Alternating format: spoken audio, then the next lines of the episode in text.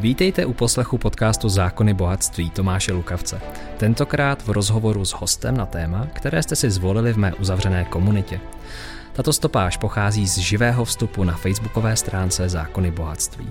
Doufám proto, že i přes horší kvalitu stopáže v ní naleznete poklady, které jinde nenajdete prostě přemýšlí trochu jinak, anebo přemýšlí mnohdy tak, jak bychom si třeba přáli přemýšlet taky. A já jsem za tímto účelem teda pozval Tomáše Nílzna. Vy jste si ho i vybrali v uzavřené skupině na Facebooku, kde se vás ptám, koho mám pozvat na rozhovor, takže já vám všem moc děkuji, kteří jste se zapojili do hlasování. A Tome, já tě tady zdravím, vítám, slyšíme se dobře, vidíme se dobře? Já tě vidím, slyším, děkuji moc za pozvání. Dobrý den všem. Tak, já jenom ve stručnosti, než začneme. Tomáš je spoluzakladatel Zdravého fora, je také zakladatel pro Libertate. Vy víte, že já poslední době často dávám odkazy právě na tyhle ty stránky, protože Tomáš je právník a zabývá se problematikou práva v dnešní době, obzvlášť s pohledem na opatření, která jsou, s pohledem na to, co se děje ve školách, co se děje vůbec jako celospolečensky. A tohoto vysílání je neformální, to znamená, je založené na vašich otázkách. Já jsem vybral téma, společně s vámi, s fanoušky na Facebooku. A to téma se jmenuje Školy, bojiště, politiky nebo zdravého rozumu. Protože víte, co se děje. Ve škole se děti segregují, objeví se pozitivní a najednou se uzavírá škola, učitelé si kolikrát neví rady, učitelé tam jsou očkovaní, neočkovaní, ty neočkovaní se dostávají fakticky pod obrovský tlak a tak dále a tak dále a tak dále. A budeme asi o tom dneska tady mluvit, Tome, společně. A já se tě jenom první otázkou, kterou já si dovolím ti položit. Jak se ti žije v České republice? No, docela zajímavá otázka. Už jenom proto, že vlastně roka půl jsem skoro nikam nevycestoval, protože všichni víme, jak to funguje na hranicích a podobně.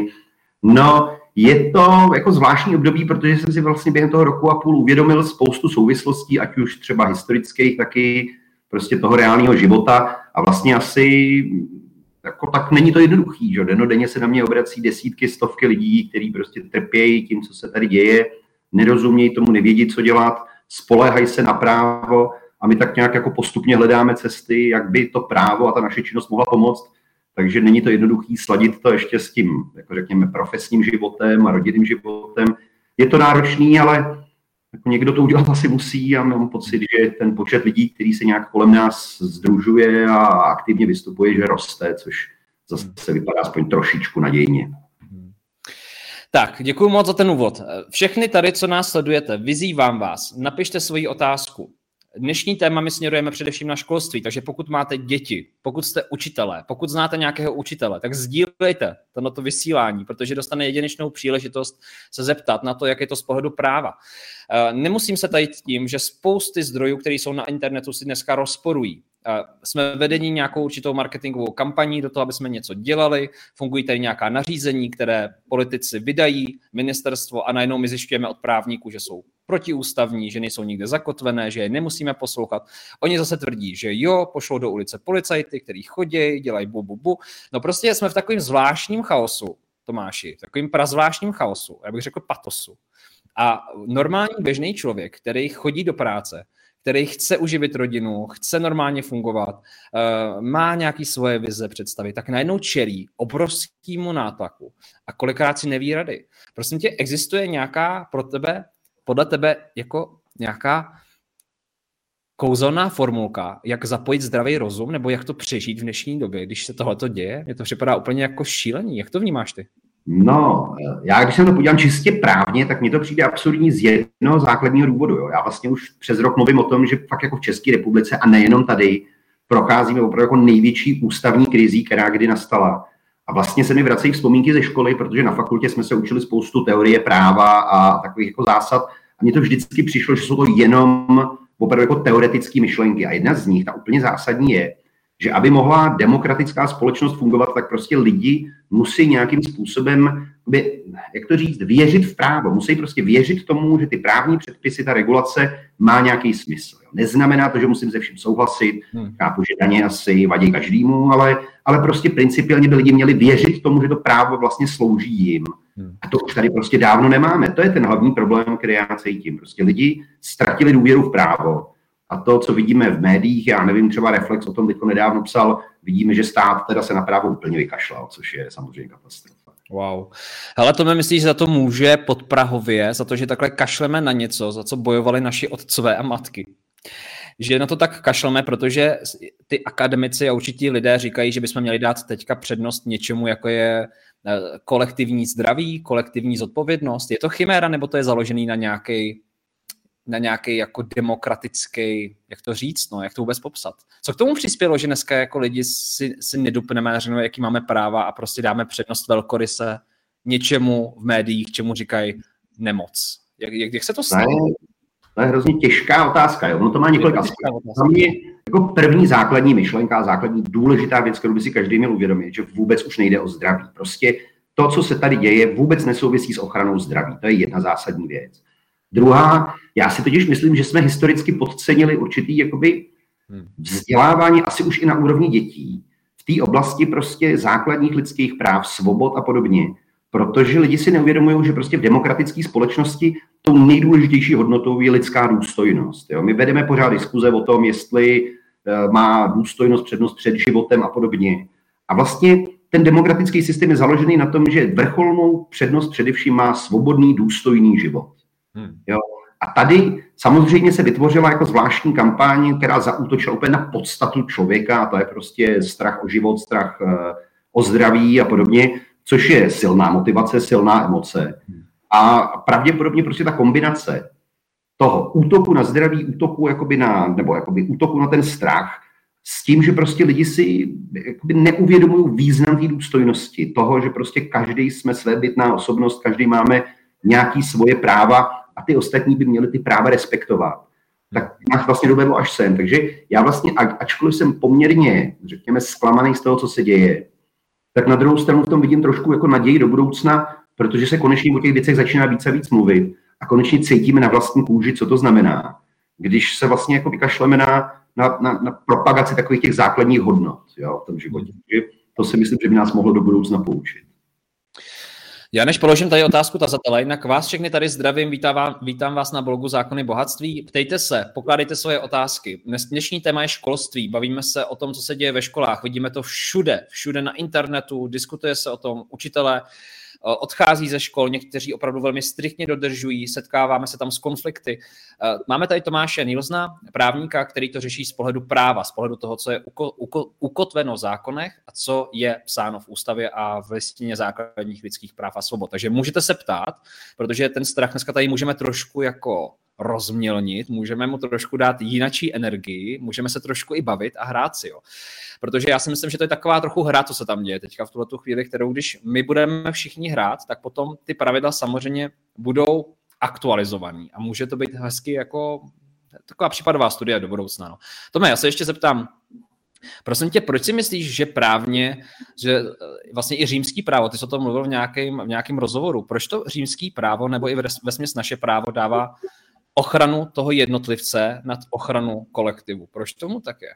No, je to vlastně, vlastně každý to víme, jo? jenom si to málo kdo uvědomí. Mně se hrozně líbí jedna paralela a to je prostě, když je problém v letadle a teď vyskočí takový ty dýchací, takový ty přístroje, tak vám všichni řeknou, nejdřív dejte sám sobě ten přístroj a pak teprve dítěti. Ten, ten klíč k úspěchu ve společnosti totiž není o tom, že by existovala nějaká hodnota, já nevím, kolektivní, zdraví kolektivního něco. Veškeré ty kolektivní věci jsou souhrn jednotlivců. A právě proto vlastně ve finále, pokud my se budeme starat o svoji lidskou důstojnost, o svoje svobody, tak tím do určitý míry vlastně budeme podporovat, protože když je respektujeme u sebe, tak si uvědomujeme význam těch hodnot. A vlastně to přenášíme i na ostatní. Takže já si myslím, že ten důvod je prostě přesně v tom, že stát je tvořený jednotlivcema a samozřejmě prostě ten, ten, ta, ta společnost je, jak jsem říkal, prostě souhrn těch, těch, těch jednotlivců. A viděli jsme v minulosti, ať už to bylo prostě období nacismu a podobně, kam vedou jakýkoliv ideologie, které upřednostňují jakoby nehmatatelný kolektivní zájem. Jo? Protože po to se dá schovat cokoliv. Takže za mě jako logicky prostě jsme dospěli k tomu, že je potřeba skutečně respektovat každého člověka jako své bytnou bytost se všema jeho specifikama a ne, a to je přesně to, co mě teď vadí na té společnosti, ne se připínat do role jakýhosi mravokárce a ostatním vysvětlovat, co si mají myslet, co mají cítit. A zase se dostanu k té lidské důstojnosti. Ta lidská důstojnost prostě to je právo každého, aby, aby se cítil důstojně. Já nemůžu nikomu vysvětlovat, co je jeho lidská důstojnost. To je vnitřní pocit každého z nás. Takže já myslím, že to je správně. A vlastně celou dobu prosazujeme i, i vlastně v těch našich organizacích, zejména teda v Pro Libertáte a ve Zdravém fóru, tu základní myšlenku in dubio pro libertáte, což znamená, to je zase starořímská zásada, pokud si nejsem jist, jestli omezování svobody pomůže nějakému jinému zájmu, tak prostě musím upřednostnit svobodu. Když nemám jistotu, tak prostě ta, ta svoboda lidská, ta, ta lidská důstojnost a podobně má mít přednost vždycky. Hmm.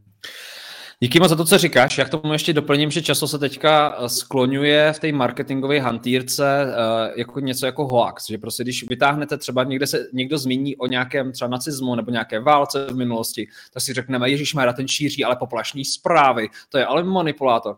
Ale pak ma, já vám řeknu teda druhý výklad, jo. Co třeba něco jako, že když se neponaučíme z historie, tak se historie opakuje. Takže uh, ono se na všechno můžete koukat dvojím metrem. A já si právě naopak myslím, že vytahovat případové studie z minulosti je velmi důležitý, protože se změnily jenom technologie. Jediný, co se změnilo, je technologie. Jinak principy jsou stále stejný, lidská, lidská psychika je stejná. My jako nevnímáme, nevnímáme tohleto intenzivně. Jo, protože jsme seděli v lavicích a četli jsme ty historické věci, tak jsme si řekli, že to je minulost. Prosím vás, druhá světová válka byla zhruba před 70 lety. Ještě žijí pamětníci. Jo. Ještě žijí pamětníci, kteří si pamatují dokonce komunismus v téhle zemi. Ano, ještě tady jsou. Jo. A je, mě to vždycky fascinuje, jak se daří jako tady z toho dělat nějaký hoax, anebo připod, jako, že tomu říkají, že to je trapný připodomění, že to už jsme úplně v jiné době. Nejsme. Jsme jenom v jiných technologiích. To je všechno. Jo, to vám můžu říct z marketingu. no. Takže Tome, chceš tomu něco doplnit? No jenom, jenom, že v podstatě to je přesně to, jako Samozřejmě to srovnání může do určitý míry, a samozřejmě, že hapruje, jo, protože prostě ta situace je do určitý míry jiná, ale, ale ty základní principy, prostě to, že, se dochází, že dochází fakt jako k zásadní diskriminaci nějaké skupiny lidí, něco, co by nám před pár lety vůbec nepřišlo na mysl, to, že vlastně evropská společnost díky druhé světové válce uznala, že prostě diskriminace je něco, co je naprosto nepřijatelný a teď to tady normálně máme. To, to jsou strašně no. závažné věci a jestli zavíráme školy z těch důvodů nebo z jiných důvodů, to je úplně jedno. Jo. Prostě jsou zavření rok. Já nevím, jak dlouho ty děti nemohly chodit do školy. To prostě jako ty dopady jsou hrozný. A co mě třeba hrozně vadí je, že, a myslím si, že je důležitý si připomínat i třeba ty doby před dvouma rokama, před rokem a půl a podobně, kdy, já nevím, typicky opravdu to téma očkování, to je dneska tak jako nej, asi největší téma, eh, ještě před rokem a půl všichni ťukali na čelo, když někdo řekl, oni budou zavádět povinné očkování a budou nás do toho nutit všichni si jako říkal, no to jsou dezinformátoři a podobně. Dneska v tom žijem. A najednou jsme prostě ve skupině, kdy, nebo jakoby, jako lidi jsme se rozdělili do dvou úplně, nebo ani ne my, vláda nás dokázala rozdělit do dvou skupin, který zdánlivě bojují proti sobě. Vláda ukazuje na jedny, to jsou viníci všeho zlého, co se vám děje. A lidi si pořád neuvědomují, že to je přesně tak, jako to je vždycky v každé ideologii, která se snaží zmanipulovat lidi. Ukázat nějakého nepřítele, rozdělit tu společnost. A my se snažíme prostě jako nějakým způsobem se dávat tu společnost dohromady, protože pevně věřím tomu, že zájem máme všichni stejný a to je prostě žít ve šťastné společnosti a budovat hezkou budoucnost pro svoje děti. Tady píše Valdemar Neubauer. Jedna věc, klamavá reklama na tečku, masivní výplach mozku. To souvisí i se školstvím. Jde to změnit soudní cestou? Myslím, že ne. Média zatím drží triumf. Jak to vnímáš, Tome? Ale uh, jedna důležitá věc je, vlastně to, co prožíváme, nic z toho, co tady dneska máme, není nový. Jo, prostě my dlouhodobě prostě víme, že soudní systém funguje pomalu, že domocce práva je náročný. To není nic, co by se objevilo za poslední rok a půl. A takže jedna věc je, já bych úplně nespoléhal na tu soudní cestu právě proto, že prostě je potřeba řešit ty věci aktuálně hned. My jsme například v minulosti podali stížnost na, na, na tu reklamu právě z toho důvodu, že to je klamavá reklama bylo nám řečeno, že to vlastně není reklama, protože to je výkon veřejné moci a že se na to regulace nevztahuje. Jo, takže jako ta, ta soudní cesta je komplikovaná. Já si myslím, že tou hlavní vlastně cest, nebo jakoby tím hlavním řešením je, ano, kombinace těch právních kroků, ale i s tou medializací, prostě s tím, aby, aby si lidi začali více víc uvědomovat, co se děje, jo? protože to je, jako já opravdu si myslím, že to, kam se posunula ta ochrana základních práv a svobod je, je pro mě něco, co bych před dvouma rokama vůbec netušil, že je možný. Takhle rychle a ještě se souhlasem spousty lidí. To mně přijde úplně neuvěřitelné. Tady Facebook user. Jsem neočkovaná učitelka. Při rizikovém kontaktu má mít hned do karantény.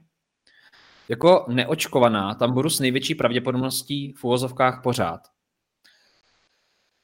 Proočkovanost je 60, ne, co to je PN, co ti myslíš? Uh, to je při pracovní neschopnosti, pracovní že neschopnost. A, ah, pardon, dobře, děkuji za doplnění, Tome. P, uh, takže pracovní neschopnost je 60% platu, jasně. Je nějaká vymahatelnost úbytku mzdy? Ptá se.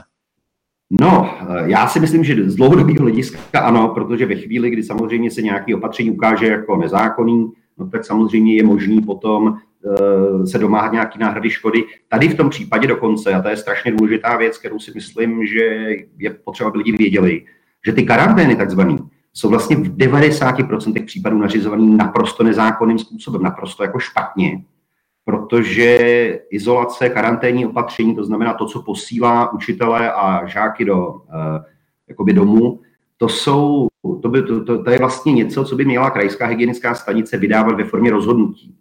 A ona to nedělá. Já jsem byl ve středu soudu, který přesně tohle konstatoval. Prostě karanténa, která byla nařízena v nějaký třídě, byla nezákonná. Jo, takže tam já si myslím, že to vymožitelný je, ale ten proces je složitý, prostě je potřeba to konkrétní karanténní opatření nebo tu karanténu napadnout, aby ji soud prohlásil za nezákonnou a následně se domáhat po státu náhrady škody způsobenou, eh, způsobený eh, nesprávným úředním postupem. Hmm. Hele, to mě dostává se, dostává se na povrch, občas jsem tam, ne teda v hlavních médiích, tolik, jak by mohlo, že ten nejvyšší správní soud a další prostě neustále ruší ty všechny nařízení od ministerstev, od politiků a že to je takový prostě, jako když eh, někdo staví eh, na, jako soused staví dům, jak to říká hezky Jana Zvrtek Hamplová, ona říká, soused staví na zahradě eh, mrakodráp, já dám proti tomu jako soudní nějaký nařčení a, a on mezi tím postaví další dvě patra a než to ten soud projedná, tak on tam něco upraví a už to není třeba mrakodrap, ale nazve to vila. A já musím jít znovu k soudu s tím, protože vlastně to neplatí ta moje, ten moje stížnost. Takže za, to, za ty roky, za tu dobu, tam je prostě postavená postavená věž, která mě stíní na zahradu. Já jsem úplně v hajzlu, protože jsem chtěl prostě sluníčko, chtěl jsem, aby mě tam rostly rajčata. A takhle to opravdu funguje v praxi, to znamená, oni si můžou dovolit dělat nařízení, který správní soud a další zrušej, ale my to všichni posloucháme, kejváme a devalvujeme si životy nějakým způsobem. Jak to vlastně, prosím tě, vysvětli nám to, jak tohle to může se vůbec stát, jak se to může stát, jak se dostaneme do tohohle bodu? To je to, co jsem vlastně říkal na začátku, že prostě stát přestal respektovat právo, přestal respektovat zákony a ta obrana proti tomu je prostě šílená. Když si vezmete, je to přesně ono, Nejvyšší správní soud teďko nedávno zrušil povinnost testování na táborech a rozhodl o tom dva měsíce potom, co skončily prázdniny. Jo. To prostě eh, ta, ta, soudní, ta soudní ochrana prostě trvá nějakou dobu a ministerstvo zdravotnictví nedělá nic jiného, než že ve chvíli, když jim, když jim nejvyšší správní soud zruší nějaký opatření, tak ho vydají znova. Obejdou to nějakým způsobem. Takže jeden problém je prostě v tom, že uh, to ani není o tom, že by se ta, ty podmínky nějak měnily. Tam jde prostě jenom o to, že prostě ministerstvo zdravotnictví a minister Arenberger to minule jako před někdy na jaře přiznal. On říkal, že je úplně jedno, že to je nezákonný, prostě opatření bude platit, dokud ho soud nezruší. Jo. Prostě to je, to je výkon státní moci, který je absolutně nepřijatelný, prostě nejde. Takže počkej, ty mě chceš říct, Tome, že třeba, dejme tomu, já udělám marketingovou kampaň o tom, že máme nějaký, nějaký záření na oči. Všem donutím, vše, všechny donutím, aby si koupili brýle. Všechny donutím, aby si koupili sluneční brýle, protože to prostě chrání proti tomu záření. Jo? Takže všichni nosí brýle, protože si myslí, že to ochrání. Já mezi tím řeknu, že musí chodit po čtyřech, protože to prostě na ně bude víc, méně to záření dopadat. Oni to začnou dělat. Teďka to kvůli tomu, že lezou po čtyřech, tak spoustu podnikání padne, spoustu jako věcí, záležitostí, restaurací. A ty mě chceš říct, že, že to je postavený vlastně v tuhle chvíli, když je to jako nezákonný, ten nejvyšší správní soud to ruší, že to je postavený na tom přesvědčení lidí, že, že když to poslouchají a budou líst po čtyřech a budou nosit brýle budou je nakupovat, takže je to vlastně v pořádku? Jako když stačí přesvědčit DAF, stačí přesvědčit masu? Je to o tom? No, tak jako, hele, jako vím si to s těma karanténama, jo. Prostě školy je vynucují, školy reálně nepustí dítě do vzdělávání, protože jim od krajské hygienické stanice přijde něco, co, co, co je nezákonný. Takže vlastně, když bych se na to podíval, lidi to dodržují dobrovolně, tu karanténu. Jo? Školy to vynucují, ačkoliv by to vynucovat neměli. A já jsem jako přesvědčený o tom, jsme vedli spoustu diskuzí na téma, jako kde končí nějaké, řekněme, jako fungování práva, kde už začíná nějaký právo na odpor nebo právo na občanskou neposlušnost. A řada právních teoretiků říká, teď pořád máme soudní ochranu, pořád se můžete prostě dovolat k nejvyššímu správnímu soudu. Ale v praxi vidíme, že to tak prostě není. Nejvyšší správní soud zruší jedno opatření, dá vládě ministerstvu zdravotnictví tři dny na nápravu a ministerstvo vyplodí nový opatření, které je fakticky úplně stejný. To znamená, my vlastně honíme kočku za ocas, když bych to tak řekl. Prostě my nejsme schopní, uh, dokud, dokud vláda, dokud ministerstvo nezačne skutečně se zabývat tou podstatou toho problému, to znamená, jestli tady je nějaká epidemie, pokud ano, jaký správně řešit, a budou jenom generovat tyhle ty šílené opatření, no tak prostě to neskončí. Jo. Já jsem fakt přesvědčený o tom, že teď je doba, kdyby se lidi měli začít trošku jako starat o svoje práva i sami, nespolehat jen na právníky. My vydržíme, prostě jedeme dál, rok a půl prostě pracujeme s kolegama, ale, ale je to i o tom, aby prostě lidi přesně přestali poslouchat ty příkazy a vrátili se k tomu, co ty si vlastně i dával do toho titulku dnešní diskuze, k tomu zdravému rozumu. Oh, promiň, je trochu nevolno. tak, Veronika Vostálová se ptá. Jak se ubránit dalšímu testování dětí? Jak uchránit děti ve škole šikany ze strany učitelů? Děkuji. Tak tam je několik věcí. Jo. První věc čistě právní je, že, a to je strašně důležité opravdu jako vysvětlovat eh, ředitelům škol, vysvětlovat učitelům. Jediný, kdo má právo vynucovat opatření ministerstva zdravotnictví, je krajská hygienická stanice. Škola nemá žádný nástroj na to, aby nutila žáky se testovat, aby jim zakazovala chodit do školy a podobně. Prostě tohle školy dělat nesmí. Škola má primární úkol a to je, to je učit děti, vytvářet nějaký pro ně prostředí. Takže jedna z věcí je eh, opravdu jako apelovat na ředitele, apelovat na učitele, aby se věnovali tomu, čemu mají a, a nehráli si na nějaký samosoudce. To je jedna věc.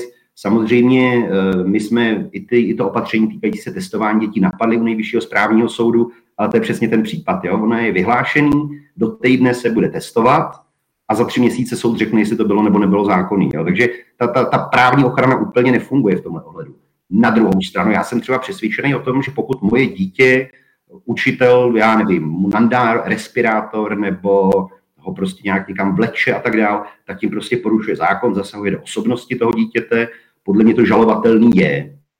Ale jako otázka zase další je, který rodič, a to je totiž to, co se té vládě povedlo úplně nejdokonalec, ona jak do toho vtahla ty děti, tak prostě dostala hrozně lidí pod strašný tlak, který rodič půjde proti škole svého dítěte. Jo? Protože přece jako naším hlavním zájmem je, aby ty děti tuhle dobu zvládly co nejlíp. Eh, já jsem vždycky říkal, vlastně s kolegama furt apelujeme na to, eh, jako i když bojujeme proti těm totalitním praktikám a podobně, tak prostě děti nemůžeme použít jako nástroj. Jo? A tím, jak se vlastně ty opatření teď jako opravdu jako opřely do těch dětí, tak jako myslím si, že z hlediska nějaký, řekněme, teorie moci a teorie manipulace a podobně, tak to jako ministerstvo udělalo úplně neskutečně. A to, co mě hrozně fascinuje, je, kolika rodičům to nevadí, jo? kolik rodičů si neuvědomuje ty, ty, ty dopady. Jo? My třeba máme studie, máme několik odborných stanovisek různých psychologů o tom, jak ne, neuvěřitelným způsobem ta situace dopadá na ty děti. Strach z toho, že budou pozitivní. Strach z toho, že budou vyloučení ze společnosti. Dokonce to nejhorší na tom je, že třeba malí děti, na kterých to není vidět, který vypadají, jak jsou úplně v pohodě, tak ty si nesou ty šrámy a ty se projeví za roky. Jo. A tady my pořád řešíme absolutní chiméru, jako že budeme chránit někoho před nějakou nemocí, ale vůbec si neuvědomuje to, co víme stoprocentně, a to je, že prostě těm dětem likvidujeme psychiku. Takže ta ochrana je složitá. Za mě to nejdůležitější, aby se rodiče dávali dohromady a vyvíjeli tlak na ty ředitele a na ty učitele, aby těm dětem vytvořili normální prostředí a nehráli si na nějaký policajty nebo nehráli si na nějaký soudce. Protože znova říkám, jediný podle právních předpisů, jediný, kdo má právo kontrolovat a sankcionovat dodržování mimořádných opatření, je krajská hygienická stanice jako orgán ochrany veřejného zdraví.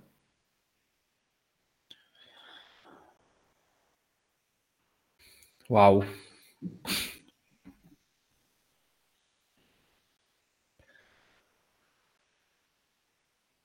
Hmm. Když tak mě, to skoč, já se někdy rozpovídám, nejsem si jistý, jestli jsem... Ne, ne, ne, ne, ty mluvíš dobře, ty mluvíš dobře. Prosím vás, uh, ptejte se, vy, vy, co máte otázky, se ptejte. Máme tady právníka Tomáše Níozna, který je zakladatelem pro Libertate a člověk, který i upozorňuje na to, co se teďka děje a dít by se nemělo. Já si nejsem jistý, jestli to ty učitelé vědí.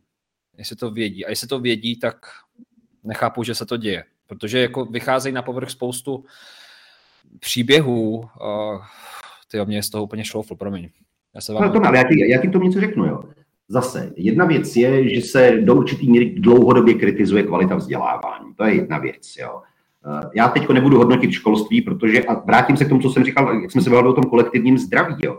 Každý učitel, každý ředitel je prostě svébytná osoba, někdo se opravdu bojí o život a o zdraví, protože podle té kampani, někdo se si myslí, že to je správně, v někom se probouzí nějaký sklony, já nevím k čemu a tak dále. Takže ono se to nedá takhle úplně zobecnit, ale, ale já si myslím, že velká část lidí si pořád myslí, že to je jako v pořádku, jo? že prostě to, že to, jako třeba to testování, to už dávno víme, že je nesmysl. Jo? Plošní testování zdravých lidí je, je prostě jako medicínsky blbost.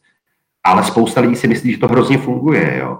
Teď to, co zavedli jako opravdu v poslední době, a to je testování jenom neočkovaných dětí, to je, a to už jako já považuji za jako absolutně diskriminační věc, už nemá vůbec nic společného se zdravím. Jo. Máme x případů, kdy do školy zavlekli, uh, zavlekl, zavlekl tu nákazu očkovaný učitel nebo tak. Jo, prostě to je, já proto říkám, já si myslím, že eh, třeba jako na nás se obracejí opravdu stovky lidí a já si vždycky říkám, kdyby každý z těch lidí strávil půl hodinu denně tím, že bude vysvětlovat ostatním, povídat si s ostatními, že s nimi bude nějakým způsobem jako opravdu jako vyměňovat si názory a, a, a, a, a to nechci říct nějak vznosně jako odbírat oči, jo, ale, ale prostě upozorňovat na to, co se děje, tak si myslím, že by to hrozně pomohlo, že prostě jako lidi jsou, vlastně cítí se hrozně sami a myslím si, že je potřeba, aby se dávali dohromady a aby, aby nějakým způsobem se těch svých dětí fakt jako zastali i sami. Tak, já jsem se tady dal dokupy. Víte co, Ono to na nás dneska vyskakuje ze všech stran a ne mnohdy nám to emočně dojde, co tady Tomáš říká. Já si myslím, že je fajn, když to na sebe necháte trochu působit, jo. Mě to, na mě to třeba teďka jako docela zapůsobilo a je mi zle, takže uh, nechte to třeba na sebe trochu působit, protože já si myslím, že taková ta zdravá, když vám je nablití, je fajn, ale hlavně s tím něco dělat. A pokud třeba máte jiný názor, tak nám ho prosím napište. Tohle je opravdu otevřená diskuze. Já Eh, zvu lidi, který, o který se řekne komunita eh, a prostě s nimi vedu dialog. Eh, je to dialog i mezi váma a mým hostem. To znamená, pokud třeba máte jiný názor, napište ho dolů do komentáře. My s Tomem se budeme prát o vaše právo s náma nesouhlasit. Doufám, že budete dělat to sami. A máme tady, Tome, další otázku. Přemýšlím o mé aktuální situaci. Poradíte? Inspirujete? Dcera od pondělí nechodí do školy, protože nesouhlasím s testováním a nošením roušky. Já bych spíš řekl, že možná souhlasí s tím, aby se jednalo v rámci ústavy, jo, když to otočíme marketingově psychologicky. Po dohodě s ředitelem bude mít tuto absenci omluvenou. Učí se podobně, jako by byla nemocná. Dnes jsem tam s ní byl řešit nějakou administrativu na sekretariát a ten nátlak všech zaměstnanců školy byl neskutečný. Já jsem si to ustál, ale neumím si představit, že si to dokáže ustát dospívající dítě. Říkám si, že by to chtělo trochu aktivnější odpor, ale nevím úplně, jak do toho jít. No, to je jako, jako velmi, velmi jako do, dobrý podnět, jo, protože jedna věc jsou malí děti, druhá věc jsou prostě děti ve věku 15 až 18 let, na který, který na, ten, jako na ten nátlak prostě, oni jsou s ním, setkávají se s ním pořád, nejenom ve škole, ale vlastně všude kolem sebe. Spousta lidí opravdu ve finále řekne, no, tak já se nechám navočkovat, ať to mám z krku. Eh, já si myslím, že to, co je důležité, je zaprvé opravdu nějakým způsobem se spojovat. Existují tady různé aktivity, my třeba jako spolupracujeme hodně s tou iniciativou Zlatý špendlík, prostě lidi se musí dávat dohromady, protože to zaprvé posiluje, za druhý to umožňuje vyměnit si názory a podobně. A, a, a hlavně si prostě opravdu musí uvědomit, a já se snažím prostě opravdu těm lidem se jako vysvětlit tu základní informaci. Prostě tady už vůbec nejde o zdraví, tady jde opravdu jenom o ohavnou kampaň, která má dotlačit prostě všechny lidi k očkování a zbavit je jejich práva na svobodu volby. Jo. A, a to, co říkáš, to, co píše vlastně i ten, ten člověk k tomu dotazu, to je přesně o tom. Jako denně tam opravdu už, už prostě vůbec nejde o zdraví, vůbec nejde o medicínský problém, je to jenom ohavný nátlak na lidi a ještě navíc směřovaný vůči našim dětem, což je prostě za mě fakt zrůdnost, absolutně. Hele, to je taková otázka. Často mi to chodí na Instagram od lidí. Myslíš si, že zatím může být třeba zatím tlakem, enormním tlakem? Teďka oni slibují, že nastoupí s nějakou brutální reklamní kampaní, kde budou uh, jako vytahovat z kontextu asi ty nakažený, vytáhnou si jako vzorek uh, z každé generace, aby samozřejmě ukázali, jako aby zase to navodili na ty emoce. Ukážou tam nějaký jako hororový scénáře z nemocnic a tak dále. Jako, kdo se pohybuje v reklamním průmyslu, tak asi nepředpokládá, že tam ukážou scénář B, to asi ne, nebo nějaký protinázor, protože to je jasný. Ale je možný, že zatím stojí třeba opravdu nějaká, já nevím, lhůta vakcinování nebo něco takového. Často se lidi ptají na, jako existuje vůbec někde zveřejněný dokument, jaký uzavřela Česká republika nebo Evropská unie s těmi společnostmi, co vyvinuli tu vakcínu? Existuje nějaký jako právní dohledání podmínek obchodních, když to platili asi daňoví poplatníci? To, jako, toho tajemství kolem celé té situace je tolik a tohle je jeden z těch klasických příkladů. Prostě jasně, smlouvy zveřejněny nejsou, a já si myslím, že to by měl být první krok. Jo. Uh, ono je těžké hodnotit, co je tím důvodem, ale já jako tomu věřím. Já fakt věřím tomu, že prostě když nakoupíte x stovek tisíc milionů testů a dochází jim životnost, no tak si žádný politik nevezme na triko to, že rozhodl špatně, že to nakoupil, no tak prostě otestujeme děti, aby jsme se toho zbavili. To jsem s tím očkováním. Já se fakt jako, já jsem přesvědčený o tom, že tam tyhle ty motivy jsou a to, že jako očkování, testování je obrovitánský biznis, který si nikdo neumí představit pro ty farmaceutické společnosti. To je asi úplně jasný. Jo. Takže já jako fakt si myslím, že ta motivace jako může být daná i takovýma divnýma věcma. A všechno, co se děje, tomu jakoby nasvědčuje. Jo. Prostě stát tají všechny ty obchodní podmínky a podobně. A, a hlavně prostě my, my třeba neděláme skoro nic jiného, když každý den komunikujeme s našimi různýma odborníkama, virologama, imunologama a podobně. Protože taky jako chceme mít jistotu v tom, že pokud hájíme nějaký práva, tak je hájíme s nějakou jako silnou odbornou argumentací. Prostě všichni to potvrzují. Jo? Prostě plošní testování dětí, mně se hrozně třeba líbí, když se nad tím člověk zamyslí. Jo? Já to třeba otočím. Kolik peněz tady utrácíme za to, aby jsme vlastně šikanovali naše děti, místo toho, aby jsme je zaměřili teda na ty ohrožené skupiny. Teď každý doktor ví, kolik má starých lidí mezi svýma pacientama, kolik tam má s nějakýma vážnýma nemocema proč se nezaměříme na ně? A terorizujeme tady prostě malí děti, kteří jsou naprosto v pohodě, kterým prostě to onemocnění vlastně vůbec nehrozí, mají mírný průběhy, pokud vůbec prostě to chytnou, mají silnou imunitu, a kterou jsme jim teda krásně zlikvidovali nebo prostě narušili tím, že jsme rok nechali zavřený mimo kolektivy. Jo? Prostě to, co se děje, nemá, to, to postrádá jakoukoliv logiku. To prostě nemá má vůbec, když se myslí, tak prostě zjistí, že to nemůže být jako jen tak samo sebou. Na druhou stranu prostě, jak říkám, no, ta právní cesta je náročná, ale my jsme prostě přesvědčeni o tom, že pokud chceme žít v demokratické společnosti, no, tak prostě musíme za tím právem prostě pořád jít a snažit se i ty soudní spory prostě proti ministerstvu prostě výjist, dokud to jde, aby, aby, aby si to lidi uvědomili, že to není jenom nelogický, ale že to je protiprávní a že to je protidemokratický, že prostě tady opravdu připouštíme zavedení totality, která nás jako ve finále šíleným způsobem ožebračuje. Ty ekonomické dopady už začínáme pocitovat dneska. Jo. Eh, já se tomu ještě dostanu k tomu dokumentu, nebo nemají oni politici nebo vlády vůbec povinnost takovýhle dokument zveřejnit, když se to týká něčeho, co si hradí každý poplatník. Oni říkají, že to je vlastně není placený, ale ono to je všechno pojišťoven těch lidí, předpokládám ta vakcinace a to všechno. To přece není nějaký milodar nemají nějakou povinnost to zveřejnit jako v běžném fungujícím státě? Takovéhle dokumenty se přece zveřejňují, nebo se mýlím? Prosím, uveďte na správnou, na správnou eh, cestu. No, jako zveřejnit by se měli, ale samozřejmě oni existují různé výjimky, zejména se třeba chrání obchodní tajemství a, a řada dalších věcí. Takže jako já vím, že dokonce teď někde kolovalo video, kdy nějaký snad rumunský poslanec nebo někdo ukazoval smlouvu, která byla uzavřena jako ty podmínky nějaký jsou, myslím si, že by stálo za to je prověřit. Uvidíme třeba, jestli nová vláda nepřinese nějakou trošku změnu, jako že by se podívala, co, co tady vlastně bylo uzavřený. A to nejde jenom o nákupy očkování nebo očkovacích látek, kde i o ty testy, které prostě byly nakupovány nějakým zvláštním způsobem, většinou téměř vždycky v podstatě mimo režim eh, veřejných zakázek a tak dál. A a, a další prostě projekty, které tady běží, taková ta chytrá karanténa a podobně, to jsou prostě všechno věci, které by měly být přeskoumané. Odpovědnost vůči těm, kdo tyhle smlouvy uzavřeli.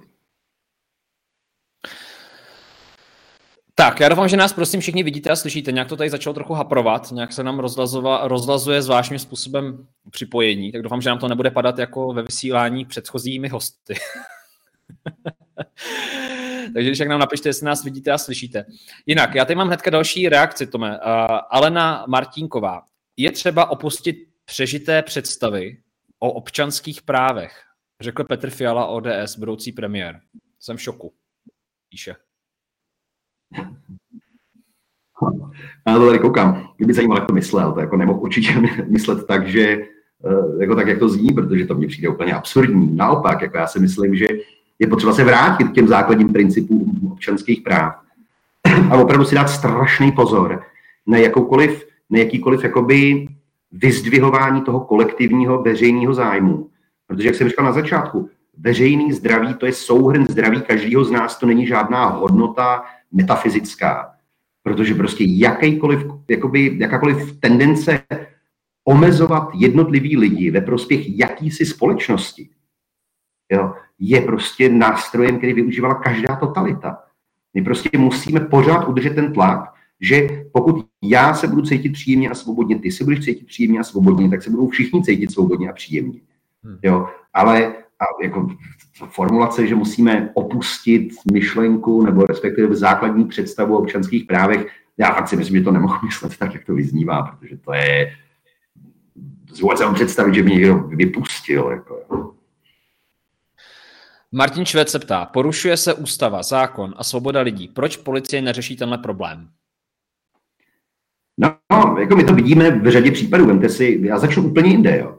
A kolik facebookových, YouTubeových účtů historicky za poslední rok a půl bylo zablokovaný, protože lidi, a to jako v mnoha případech byli opravdu jenom lidi, kteří publikovali nějaký, řekněme, eh, kritický názory vůči tomu, co se děje a kolik bylo zavřených facebookových, YouTubeových účtů lidí, kteří tady hlásají 30 tisíc mrtvých a mrazáky na ulicích a podobně. Jo.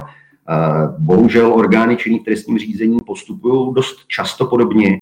My jsme podali několik trestních oznámení a řada z nich se nám vrátila prostě proto, že e, policie za prvé teda v tom neschledala spáchání trestního činu a ještě nám třeba dokonce jeden z takových zvláštní státní zástupce nám dokonce napsal, že odmítači vakcín se většinou rekrutují ze skupin extrémní pravice a neonacistů. Takže on nás vlastně označil za neonacisty. To prostě jako znova říkám, prostě kdyby mi opravdu před dvouma rokama jako absolventovi práv, který se tomu právu věnuje desítky let, kdyby mi někdo popsal dnešek, třeba v čem tady žijeme, tak já mu řeknu, že to je prostě blázen, že to je dezinformátor a konspirátor. Jo. To je jako, prostě ta realita je strašná. A já fakt doporučuji, na to je těžký čtení, jo ale podívat se na i třeba ty rozsudky nejvyššího správního soudu, protože to je třeba věc, která nám hrozně vadí. Jo. A ten nejvyšší správní soud vlastně pokud ruší ty opatření, tak je často ruší z nějakých formálních důvodů. Ale přímo ty soudci říkají, my teda nejsme od toho, aby jsme přeskoumávali tu odbornou stránku. To znamená, my třeba říkáme, jako pokud se bavíme o epidemii, tak by měl existovat nějaká, jako nějaká definice, co to je epidemie. A mělo by být jasný, v jakém momentě skončí a tak dál. Podívejte se, co se tady dělo. Já myslím, si to lidi pamatuju. Ale na podzim jsme tady měli toho bizarního psa. A když se ukázalo, že vlastně už se jako zlepšuje situace, tak pak někdo prohlásil, že nám to hrozně zlepšuje Praha, tak Prahu prostě ze psa vyřadíme, aby to nezlepšovalo. Prostě tak to nejde. Ten soud musí přeskoumávat i tu věcnou stránku a nedělá to. Jo, takže ten, jako, ono se odpovídám takhle složitě, ale není to jenom policie, jsou to i soudy, který prostě tu linii prostě jedou. Jo. Přijde mi to absurdní, ale, ale je to tak. Ptá se Miša, Miša Pavelko. Dobrý den, jsem učitel ve škole a ve škole se musíme v pondělí screeningově testovat a testy si hradit. Dvakrát jsem volala na MZCR a tam mi sdělili, že i po testování, pardon, že i po testování res, co to znamená? Jo, že musí nosit respirátory, i když se otestuje. Ne? Ano, testování si hradit musím. Když odmítnu, když se odmítnu testovat, respirátor nosit také musím. Jak odolat tomuto tlaku? Máme být příkladem dětem. To je ten nejlepší závěr. Máme být příkladem dětem. No, jedna věc je, myslím, že to máme i na stránkách, zase máme stanovisko i, jaký vliv má to nošení respirátorů neočkovaných učitelů na jejich psychiku, ale i na psychiku dětí. To je prostě to je další prostě absurdní zrůdnost, to, co se zavedlo vůči učitelům. Jo. Já samozřejmě hlavně, to je vlastně to, co my hlavně pro, pro, prosazujeme, naším hlavním cílem je bránit děti. Prostě my, právníci, rodiče, učitelé, ředitelé by měli primárně stát na straně dětí a to se neděje. Pokud jde o to zavedení těch placených testů, to prostě to je skoro jako no comment. Jako co to je jiného, než ohavný vydírání lidí tomu, aby se nechali navočkovat. A teď učitelé jsou jedna skupina, zaměstnanci obecně, ale vemte si třeba, kolik studentů vysokých škol nemůže na koleje, protože nejsou očkovaní. Rodiče by jim měli platit testy, ale ty rodiče na to prostě nemají. To, jsou, to je prostě absurdní. Já jsem třeba právně, jako z právního hlediska přesvědčený o tom, že pokud zaměstnavatel nebo i stát podmiňuje, řekněme, výkon práce s plněním nějakých podmínek, ať už jsou to, já nevím, eh, ochranné prostředky, testy a tak dále, tak to prostě musí hradit buď ten stát, anebo ten zaměstnavatel. Jo. Podle mě to jako vyplývá ze zákonníku práce. Představte si, že byste přišli na stavbu a tam by vám bylo řečený, že podle bezpečnostních předpisů musíte mít přilbu, abyste si ji koupili do Bauhausu. Jako prostě to nejde. Jako, jo. Ale, ale jako lidi to vynucují. Já si myslím, že by se zaměstnanci v tomhle měli nějakým způsobem opravdu obrátit klidně na soudy a, a, a uplatňovat prostě nárok na zaplacení těch, těch testů. Měli by hlavně komunikovat prostě s těma zaměstnavatelema, s ředitelema, protože tohle nejde. To je prostě jenom, a to už je opravdu jako ekonomický vydírání těch lidí. Jo. A znovu říkám, jako, jako to není, není jenom to, že se otestuju, se negativní a stejně musím nosit respirátor, což jako je bizar. Ale na to i s těma karanténama. Jo. Děti, učitelé jdou do karantény. Na, znova říkám, na základě nezákonného rozhodnutí nebo neexistujícího rozhodnutí. Takže ta karanténa vlastně ani není nařízená, jo, řadě ve většině případů ale e, i když mají třeba za tři, za čtyři dny negativní PCR test, tak je zpátky do té školy nepustí. Jako, já nejsem zastáncem testů, prostě podle mě to plošní testování je blbost. Ale když už teda jsme tady vytvořili systém, ve kterým ty testy takhle jako zvelebujeme, tak jak je možné, že najednou neplatí? Jo.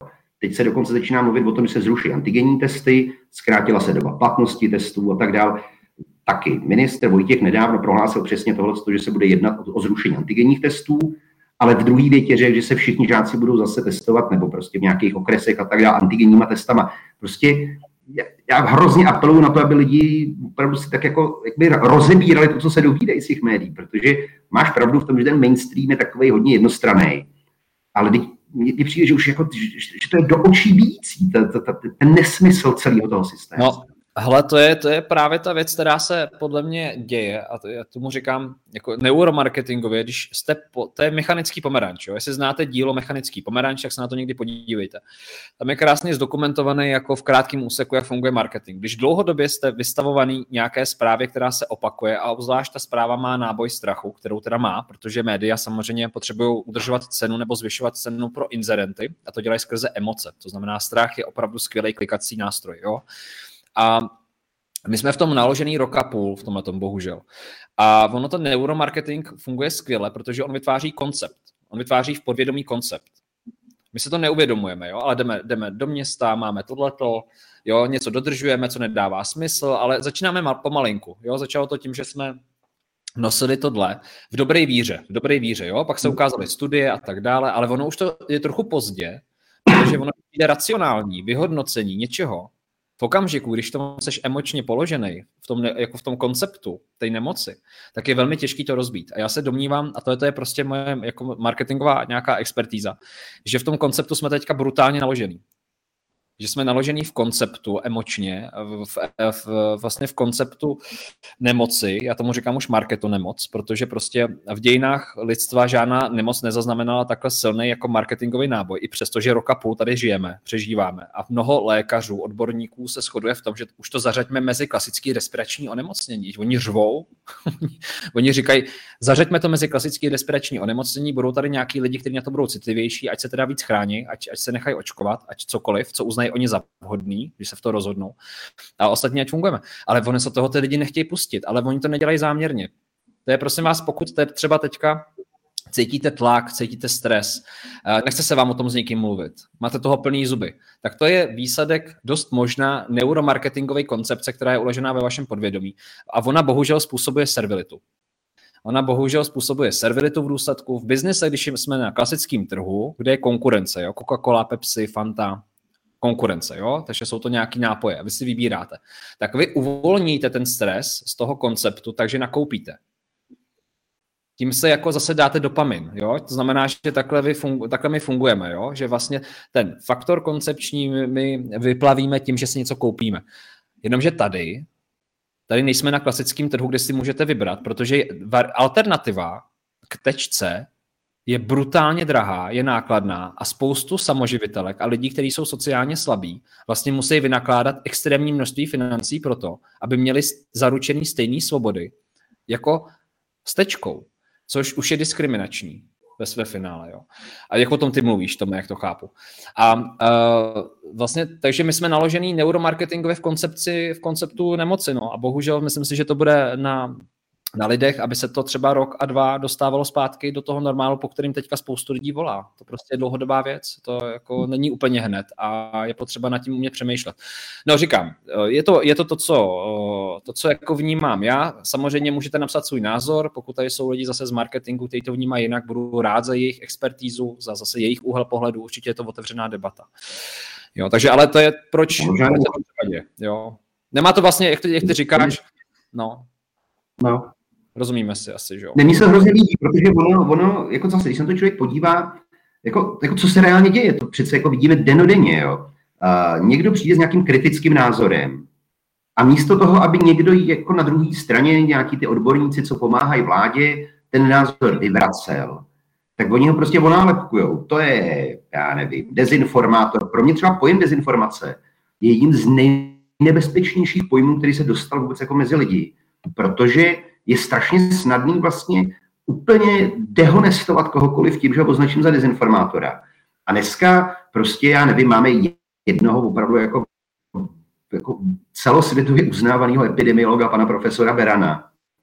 Ale řada lidí řekne, jo, to je Beran, je dezinformátor. Jako, jo. Prostě to je tak strašně nebezpečné. Já hrozně apeluju na to, já jsem vlastně celý život dělal v oblasti telekomunikací, IT, internetového práva, takže pro mě věci jako svoboda slova, ochrana soukromí osobních údajů jsou jako hrozně důležitá věc. A ten pojem té dezinformace je strašně nebezpečný. A proč o tom mluvím? Ten neuromarketing, jak ty říkáš, mě se totiž líbí, kolik těch nástrojů tam spojuje dohromady. Prostě najednou úplně zmizela diskuze, buď zastávám správný názor, nebo jsem dezinformátor, nebo, nebo antivaxer, nebo já nevím, jak všechny ty nálepky fungují. Ale, ale úplně se odmítá, a to i na odborný úrovni, prostě diskuze, to je přece katastrofa. Jediný způsob, jak se dá najít pravda, je diskuze. Proto já jsem hrozně rád to, co říkáš. Pokud má někdo jiný názor, pojďte ho předložit, pojďme o tom diskutovat. Protože jinak prostě z pravdy nedobereme. Prostě ten tlak na lidi, a ty jako říkáš, jako, že jako to není, to, to je fakt jako vydírání. Prostě ve chvíli, když řeknu eh, samoživitelce, buď vy vyhodíte prostě měsíčně 4 tisíce za testy, aby vaše dítě mohlo chodit na plavání nebo něco takového, nebo aby vy jste mohla chodit do fitka, tak, eh, anebo se necháte ovočkovat, tak prostě jako lidi se nechají ovočkovat čistě z ekonomických důvodů. Jo. A mě by hrozně zajímalo, třeba kolik lidí se opravdu nechalo očkovat z důvodu, že se bojí o svoje zdraví. A kolik se nechalo očkovat prostě proto, že to chtělo mít z krku, jo. že prostě no, podlehli. Já to nechci, aby to vyznělo špatně, já to naprosto rozumím. Prostě ten tlak je dlouhodobý a šílený a zvětšuje se. Jo, jsou to otázky, jsou to otázky a bude asi na, na lidech, aby, aby, aby jako nad tím přemýšleli a diskutovali a rozvíjeli tu debatu, protože to je opravdu jako na snadě, si myslím. No tady píše Alena Durasová Mochová. Prečo policajti prenásledují lidi se zdravým rozumem a ne těch, čo nás terorizují?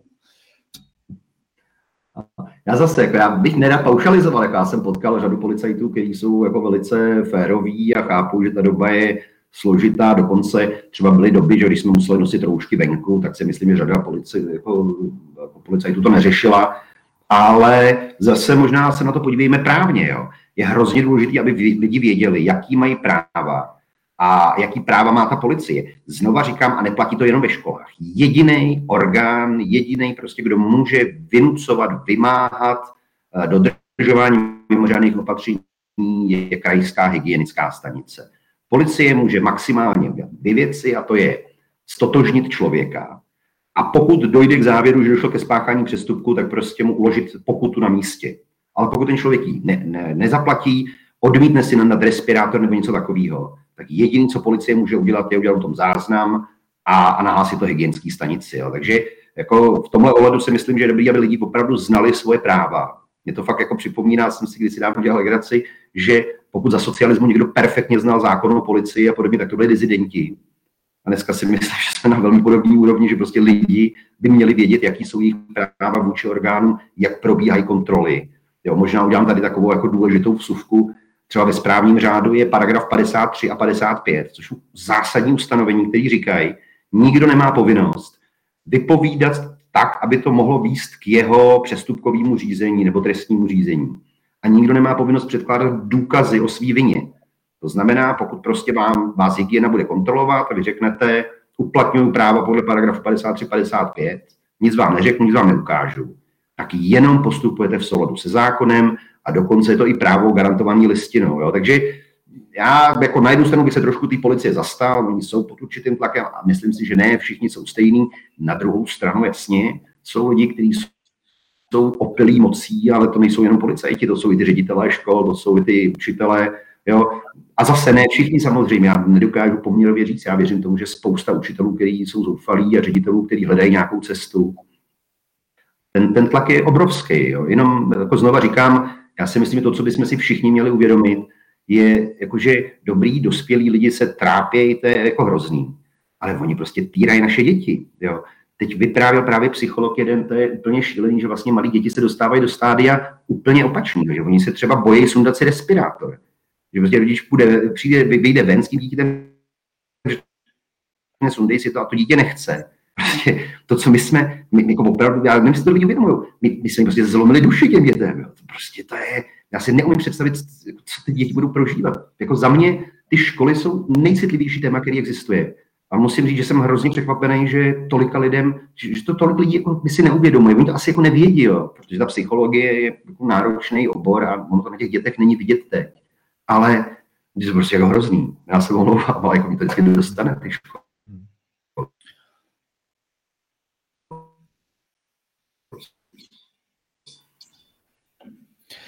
Tak, máme tady občas zvlášení, že máme trochu horší připojení, Tome. Nevím, jestli třeba u tebe je dobrý internet, nebo jestli třeba někdo teďka ne, ne, ne, nemá spuštěnou nějakou online hru. Ale doufám, kolegové, no.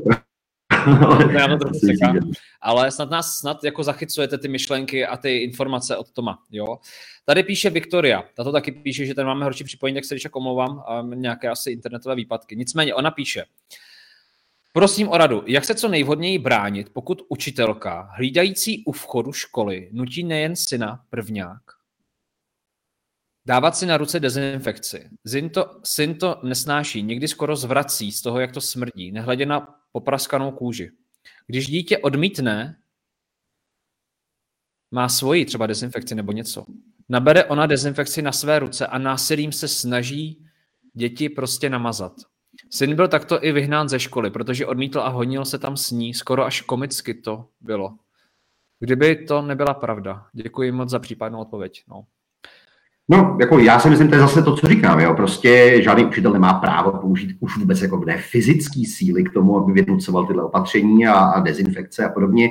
Já myslím, že existují dvě varianty řešení. Jednu tam vlastně ta, ta, tam dáma vlastně naznačila a to je prostě ho přinést si vlastní dezinfekci, tomu dítě vydezinfikovat sám, pokud člověk nechce jít do nějakého většího sporu. A jinak prostě, já nevím, já bych zavolal policii, prostě jako pro mě je představa, že by nějaký učitel takovýmhle způsobem jako násilím útočil na moje dítě, tak si myslím, že právo bude to poslední, na čem budu v tu chvíli přemýšlet. Jo.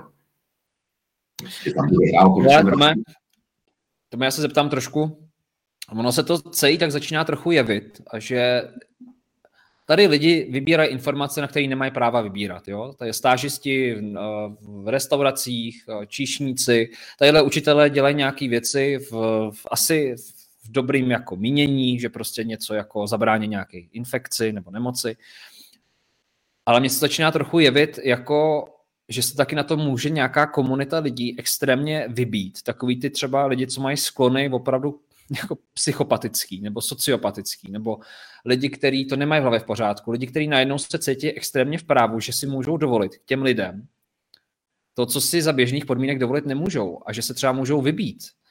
Be, bez, netrestně, protože nějaký jako týpek v televizi, který má kravatu, brýle a říká, roste nám počet nemocných. Neopravňuje je to trochu jako jednat i protiústavně, protiprávně, tady ty lidi, že si říkají, hele, ten politik, ty, on tam sčítá ty nemocní a teďka jsme na tom hrozně špatně podle médií, tak já se budu chovat jako prase a tohle toho malého kluka, který mu je 13 let, to tady tak jako omezit nebo neotvírat tady ty lidské atributy, které jsou negativní, které jsou špatní a které v nás můžou být a jenom stačí, stačí když přijde spouštěč? Já jako to pak převedu i trošku do optimismu, jo, stoprocentně. Jako jasně, že prostě tohle to může probouzet v lidech velmi jako ošklivý vlastnosti, které třeba se neprojevovaly, protože prostě najednou má tu moc, najednou má nějaký výklad té situace. Na druhou stranu, já se pak roka půl potkávám s lidmi, kde naopak se projevily hrozně super vlastnosti. Takže ta krize má i to negativum v tom, že prostě se objevují ty, abych řekl, lidský zrůdy, ale i vlastně to pozitivum v tom, že najednou prostě vidíte kolem spoustu božích lidí, kteří se snaží vzepřít se tomu příkoří a pomáhat ostatním. A ještě mě tady napadla jedna věc, jo. Té, ty si totiž zmínil, já to připomínám, zejména lidi třeba, kteří podnikají, tak si určitě pamatuju před třema rokama, nebo kdy se zavádělo nařízení GDPR. Každý, každý se bál na cokoliv zeptat, aby náhodou neporušil GDPR. My jsme na to úplně zapomněli, my jsme úplně zapomněli na ochranu soukromí. A já teda upozorňuji na to, že například pokud provozovatel restaurace po někom chce ukázat nějaký doklad, tak proto nemá oporu ani v tom mimořádném opatření. To je prostě porušení zákona. Pokud učitelé se ptají dětí, jestli jsou očkovaný nebo neočkovaný, tak prostě za mě nám vůbec nemají právo takovou informaci chtít. Jo. Takže oni totiž, že řada těch lidí si při, jakoby přiopravila to právo ve svůj prospěch. Jo. A, a my se snažíme bojovat i za to, aby prostě, když už teda někdo ty mimořádné opatření dodržovat chce, tak aby je dodržel opravdu jako s ochranou, s respektem k těm základním svobodám, k soukromí, k důstojnosti druhého. A, a přesně jako brzdil v sobě tyhle, ty, tyhle ty negativní tendence, protože to je, jako, to je fakt jako cesta do pekel. No. Ptá se Apolonia. Konkrétní otázka. Dcerku nepustili do jídelny kvůli tomu, že neměla roušku, protože ji ztratila. Po sdělení řediteli e-mailem, že dozorující učitelka překročila své pravomoci a toto přísluší jenom hygienické stanici, mi odpověděl, že není právník a že jenom dodržuje opatření. Když se mi nelíbí, máme si hledat jinou školu. Wow.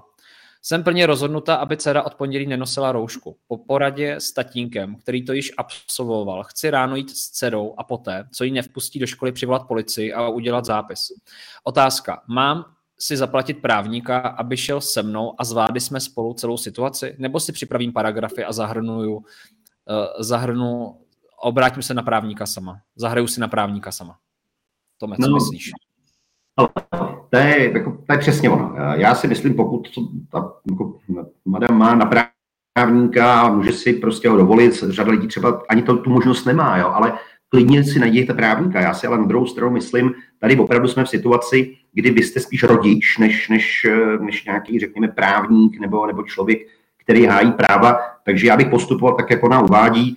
Uh, všimněte si jedné věci, jo. Jak prostě ředit, já si vůbec nepředstavím, že dítě nepustí do jídelny, protože jako ztratí roušku. To je prostě, jako chápete, že to je prostě dítě, který má hlad.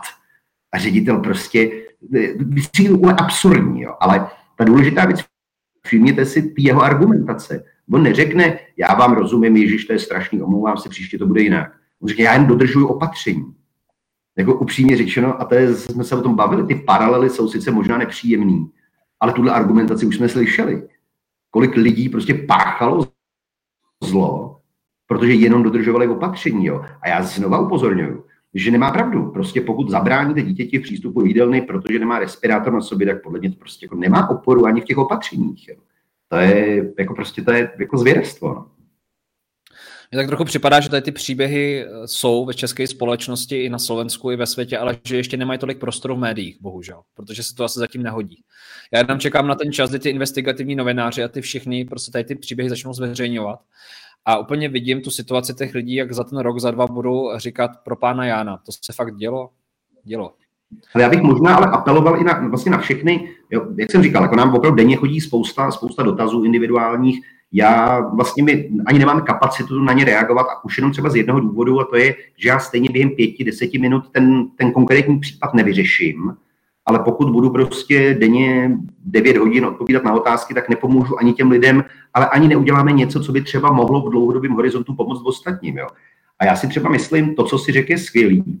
V tom, že ano, kde jsou ty novináři, ale tak to pojďme otočit. Pojďme tyhle ty příběhy každý sám za sebe sepsat a rozešlete to těm redakcím. Jo? Já se sice nemyslím, že by nevěděli, že to existuje tyhle situace, ale možná nevědí, kolik těch případů je, tak prostě pojďte oslovit ty média, normálně prostě napište jim, co se vám stalo, pošlete jim to. A třeba se nám to povede nějakým způsobem prolomit. Jo? Nečekejme na to, až někdo něco udělá. Nečekejme. Proaktivní. Super, díky moc Tome za tvůj impuls. Ptá se Kateřina Rakouská. Má škola právo vědět, zda je dítě očkované a hlásit všechny údaje hygieně? Odmítal jsem to škole sdělit. Tak hodili dítě do kolonky neočkovaných. U učitelů se dodržuje GDPR a u dětí ne. Co dělat, když škola odmítne poskytnout výuku zdravému dítěti v karanténě? Máme s trestním oznámením nějakou šanci? Tome. Ale zase, uh, moje zatím zkušenosti s těma trestníma oznámeníma nejsou úplně pozitivní. Na druhou stranu si myslím, že je prostě potřeba zkoušet cokoliv. Jo, to je ta první věc. Druhá věc je, čistě právně, podle mýho názoru, karanténa byla pravděpodobně nařízená proti, proti zákoně, nezákonně, tudíž prostě škola by měla mít povinnost to dítě do té školy vzít. Ale než se domůžete soudní ochrany, tak ta karanténa skončí. Jo. Takže za mě to, co je důležité, je opravdu bavit se s ostatníma rodičema. Teď tohle už není jako boj mezi očkovanýma a neočkovanýma rodičema, protože prostě ty děti, zejména ty, co vlastně očkovaný být ani nemůžou, ale prostě všechny děti jsou tímhle s tím postihovaný. Jo. A k tomu GDPR, ne, prostě škola nemá právo na to vědět, jestli dítě je očkovaný nebo není. A dokonce zažívám jako více víc případů, kdy třeba 15-16 letý děti, eh, že, že ty učitele jsou ty informace přímo od nich, místo aby se teda jako zeptali zákonního zástupce. Jo. Takže dokonce, jako já nevím, jestli to lidi vědí, ale existuje takový nějaký systém školní bakaláři, ve kterém byla zavedena speciální kolonka očkovaný, neočkovaný a obrátil se na mě nějaký učitel, který říká, že mu ve škole vyhrožují, že nedostane odměnu, pokud ji nevyplní. Jo. jako, to, to, prostě, proto jsem říkal, ochrana soukromí, ochrana osobních údajů, něco, co jsme ještě před dvouma rokama, každý zaměstnavatel se bál pomalu zeptat na, na cokoliv. Teď najednou prostě po nás chtějí vědět z detaily našeho zdravotního stavu, to je prostě absurdní. Tak Tome, ptá se další tazatel. Děkujeme moc za vaše otázky. Opravdu se začaly množit a je vidět, že vás tohoto téma zajímá. Já si, já si troufnu říci, že nestihneme odpovědět úplně na všechny. Přesto tady zůstaňte a poslouchejte, protože se možná vaše otázka opakuje a zazní tady odpověď od Tomáše. A druhá věc je taková. Hledejte všechny možné způsoby, jak se bránit. Tady se slyšeli od Toma několikrát, že to nemá ukotveno, že to není ukotveno nikde v zákonech, že si lidi sami právo upravují podle toho, v co sami věří v tuhle chvíli a mohou se tak dopouštět opravdu nekalých věcí na vašich dětech. A jestli to je z nevědomosti, nebo jestli to je záměr, těžko říct. Vy každopádně máte vždycky možnosti, teda ještě, ještě stále, doufám. Tak, ptá se tady. Dobrý podvečer, pane Nielsene. Prosím o radu, jak postupovat. Syn je na vysoké škole v Ostravě a je tam na kolejích. Ve škole je paradoxně nekontrolují, netestují, ale na koleji ano. Takže do školy není problém zatím, ale s ubytováním ano. Musí se testy platit, jelikož má 20 let, je mu 20 let a je student. Jak postupovat? Očkovat se nechce. Ještě, to, je, to je šílený, to mě je z toho úplně šlafu. Já se omlouvám, já se vám všem jako fakt omlouvám. Já se vám dneska nesmírně omlouvám, mě opravdu z toho od žaludku špatně, protože vlastně já to prožívám za vás, co se tady děje. A já fakt, já jsem z toho vlastně mimo, já jsem z toho dneska mimo. Jo, že, že jsme to dostali sem, jako že to je tady a že to pos, jako ty vole. Ještě otázka, co se může stát, jak se zachovat, když na placené testování chodit nebude a odmítne. Zatím tento týden na testech nebyl a zatím to prošlo. Moc děkuji za odpověď. Takže máme tady situaci, Tome, kdy, kdy na koleji ne a na školu jo. Já jsem to už zmiňoval. Prostě ta skupina studentů vysokoškolských je jedna z nejvíc postižených, protože přesně to jsou ty vlastně Eh, když se, prostě opravdu hrozný, když se to uvědomíme. Jo. Že prostě vláda dostane informace o tom, které skupiny vlastně v tuhle tu chvíli úplně nejsou pozitivně naladěny k tomu očkování, no tak se zaměří nejenom marketingovými kampaněma, ale i ona zneužívá ty mimořádné opatření, ona zneužívá právní nástroje k tomu, aby, aby ty lidi prostě dotlačila k tomu očkování. Tohle je jako za mě samozřejmě jedna věc je napadat mimořádné opatření soudu, druhá věc je Uh, jako podle mého názoru zase, tady nevěřte tomu, že vám pomůže nějaký právní předpis, protože, protože prostě to trvá dlouho. Jo? Ta vymahatelnost práva je náročná, trvá to dlouho. Já si myslím, že jako to, co by mohlo pomoct, je, aby se prostě ty studenti dali víc dohromady, aby zkusili prostě jako sami vyjednávat s provozovatelem těch kolejí, ze školou, oslovili děkana, rektora, požádali o pomoc, protože přece není možné, aby jsme v téhle době přicházeli po vysokoškolský studenty proto, že si nemůžou platit testy. Jo. Teď to je prostě to je jako šílenost. Takže za mě zase, já se pomluvám, my samozřejmě ty koleje máme jako jeden, teď, jednu z priorit, který se budeme chtít věnovat, ale zase jako ne formou individuálních rád, ale prostě nějakých, řekněme, návodů a možná nějakých žalob, který budeme dávat dohromady. Ale to, co by nám hrozně pomohlo, je prostě, aby se ty studenti dali dohromady, aby vytvořili nějaký týmy a vyjednávali. Jo? Když to přejženu, prostě tak jdou do stávky. Jako vzpomínáme si na rok 1989, kdy studenti hráli poměrně jako zajímavou roli v té době. Tak kurník, kde jsou? Ale to je vtipný příběh. Já jsem procházel takhle Německem, jsem byl v Hamburgu. Já jsem ho tam teď, já jsem ho tam teď odjel o, ně, o, několik, dří, o, o několik dní dřív. Asi ne, není potřeba sdělovat. A, a mě tam bavili, mě tam bavili jako pankáči, tam bylo jako hrozně moc pankáčů, takových mladých. A oni měli takhle ty vyholený, jo, měli takhle ty tetování. Ale prostě šli takhle poslušně, jako totálně a prostě takhle a skoro měli, já jsem si říkal, jo, jestli už dneska nejsme, nepodlehli jsme trochu té imidži a že jestli jsme nezapomněli, co to znamená bojovat o svoje právo na svobodu. No. Jestli jsme to trochu nezapomněli pod vlivem sociálních sítí a Instagramu, že tam jako se snažíme vypadat funky a mít nějakou image, ale ve finále o tom jenom kecáme a nic neuděláme. A já jsem si myslel trošku i tím, že prostě lidi to nemají v sobě. Jako, já si, jako jedna z věcí, které v tom našem institutu pro libertáte chceme dlouhodobě dělat, je prostě nějak jako možná vytvořit i nějaký já nevím, vzdělávací program nebo něco takového, jak do škol dostat opravdu výuku v oblasti těch demokratických principů, aby, aby jsme to od, od mládí věděli, jo? co znamená moje osobní svoboda, co znamená moje důstojnost. Protože paradoxně já mám příbuzný v Německu a vlastně e, pracuji tam v domově pro seniory a říkají, že paradoxně ty nejaktivnější, ty nejvíc rozhořčený nad tím, co se děje, tak jsou ty nejstarší lidi, jo? místo toho, aby to byli ty mladí protože ty nejstarší pamatují doby, který jim tohle prostě do určitý míry připomíná. Jo. A mně se třeba hrozně líbí, v těchto diskuzích často slyšíme takové ty argumenty typu, jak to, že se to teda děje na celém světě, když uh, teda vytvrdíte, že to je špatně a tak dál. A jako za prvé teda existuje takový trošku možná smutný bonmot, a to je, když nám říkají, podívejte se na Německo, na Itálii, jak jsou napřed v té regulaci, jak to mají super tak mi jeden kolega jako nedávno říkal, no jako Německo a Itálie byly napřed už jako v minulosti v některých věcech, takže ne každý příklad je hodný následování. Ale druhá podstatnější věc je, já jsem v kontaktu se stovkama právníků, lékařů a podobně na celém světě. To není o tom, že jenom my bychom tady bojovali jako nějaký ostrůvek.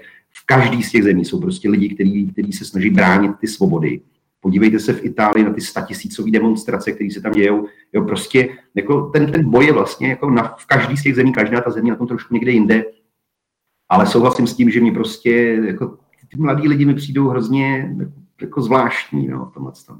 Hele, tady je takový pojítko, že jako marketingově, to jak se to hantýr, hantýrka, když se, pro, když se podíváte na několik zdrojů v médiích, jaký slova používají, jo, jaký slova používají, jaký se teďka klíčují, tak ono se to může spadnout do toho, že jako hájit si svoje právo může eh, trochu spadnout do takového toho jako sobectví. Jako, že, se, jako že, že, že, že jste sobečci malinký, že nemyslíte na druhý. Jenomže vlastně to je naštění a ve finále vy, když myslíte na svoje právo a na, na, na svoji svobodu, tak vy tím chráníte i toho druhýho. Jo, to, to, je, to je důležitá podstatná věc. A když ten druhý, který třeba má jiný názor, chrání va, vaše právo nesouhlasit a mít to jinak a nevytváří na vás nátlak, tak to je právě koncept zdravé společnosti. To je koncept zdravé společnosti. A já neříkám, měli jsme tady několik hostů, třeba Sonja Peková, ona říkala, něco by bylo, kdyby to byl mor, kdyby ta umrtnost byla 10-20%, jo, ale to my tady nemáme. My jsme tady v situaci, že je tady nějaký onemocnění, že už by to dávno mělo být jako klasický respirační onemocnění. A, a tady to, co, se děje, říkala jako politická záležitost, jo, což vlastně se čím dál víc, jako se mi zdá, že ta debata a ty opatření a to všechno tomu, co tady říkáš právně, že to nemá ani podstatu, že to vlastně přijde nějaký politik. Já si to představuju takhle, co ty říkáš. Jo. Přijde politik a řekne, teďka, protože svítí moc sluníčka, budete nosit brýle. Všichni. Aby jsme neměli poškozený očička. Jo? A a prostě teďka to je o tom, mně to připadá čím dál víc, že to je postavený na veřejný mínění, že když to ty lidi začnou dělat, tak si prostě můžou potom vymyslet, kdo ví co, protože mě, jako já nad tím fakt přemýšlím, já přemýšlím, jo, já zapoju hlavu, ale, ale když to není v ústavě, není to zákon, je to prostě přijde nějaký týpek, nařídí to, lidi potom jako vohnou se a držej, tak prostě i to je pak všechno založené na tom, že fakt držíme. Ne, nemám pravdu, nemám pravdu, prosím tě, uvedně v omyl. Ne, ne, tam je to jako, jako vlastně fakt jako jednoduchý. Jako znova opakuju, tak úplně základ, který prostě každý člověk by si měl vštípit, je tady nejde o zdraví. To je přesně ono. Kdyby jsme se bavili o moru nebo o nějaký opravdu závažné nemoci, budíš, ale tohle je prostě standardní, prostě dneska už respirační onemocnění. Netvrdím, že u někoho nemůže mít těžký průběhy, může skončit smrtí a tak dál, ale teď si vezměte prostě ty opatření a znova to opakují, oni nejsou vedený s cílem likvidovat epidemii nebo likvidovat šíření, ale naočkovat lidi. A to přece není cíl. Jo? Tady se úplně ignoruje přirozená imunita a podobně, ale to se dostáváme do medicíny. Pojďme se vrátit zpátky k těm právním zpátky, věcem. Jdeme zpátky, jdeme zpátky. Mám tady, jdeme... No, promiň, jen, jenom jednu věc. Jo. Ty jsi tam mluvil o, tý, o těch svobodách. Já si myslím, že potřeba, aby jsme si uvědomili, já jsem třeba jako hrozným zastáncem solidarity. Ale solidarita je právem každého člověka. Říct si, chci být solidární nebo nechci. Jo? Ale nemůže to být o tom, že já budu chodit a nařizovat ostatní, vy musíte být solidární. Prostě v tom jsou ty individuální svobody. To musí být moje vlastní rozhodnutí. A pak žijeme demokraticky, a jsme přece dospělí lidi a nepotřebujeme politiky, aby nám říkali, jak máme chránit svoje zdraví. Jo? A nejenom říkali, ale nutili nás do toho. K tomu ten stát nechceme. Tak, promiň. Dobrý, úplně v pohodě, Tome. Očkování, očkování, uč, očkování učitele nenosí respirátor ve třídách na rozdíl od očkovaných. To je taky fenomén mimochodem tohle, jo. To je další kocourkovská vymoženost na 20. století. To byla můj, moje poznámka. Šíření viru přeci může být i očkovanými mezi velké počty dětí. Jo, že když tímto děti ohrožované nejsou? No nesporně, to je prostě přesně ten, ten, ten důvod, proč já tvrdím, že ty opatření jsou úplně mimo, jo, protože jednoznačně, my jsme vlastně i v téhle věci podávali trestní oznámení, protože prostě za mě, eh, prostě pokud ministerstvo tímhle způsobem tvrdí, že teda jako ta nákaza se může šířit ve školách a že je nebezpečná a umožní očkovaným ji šířit, no tak prostě se dopouští podle mě trestního činu šíření na každý nemoci. To se nedá nic dělat. To je absurdní. Jako, jo. A těch případů, kdy očkovaní lidi nakazili někoho jiného, prostě těch je víc a víc a bude jich víc a víc. To je jako nesmysl absolutní. No. Hele, tady píše Alena Martinková. Mám strach, aby nedošlo k očkování dětí bez souhlasu rodičů, jak se to dělo v Austrálii. A aby nedocházelo k odebírání dětí odmítačům vakcíny neziskovou organizací bez rozhodnutí soudu. Protože ten zákon v poslanecké sněmovně i v Senátu před volbami už prošel. A věk očkovaných dětí se snižuje.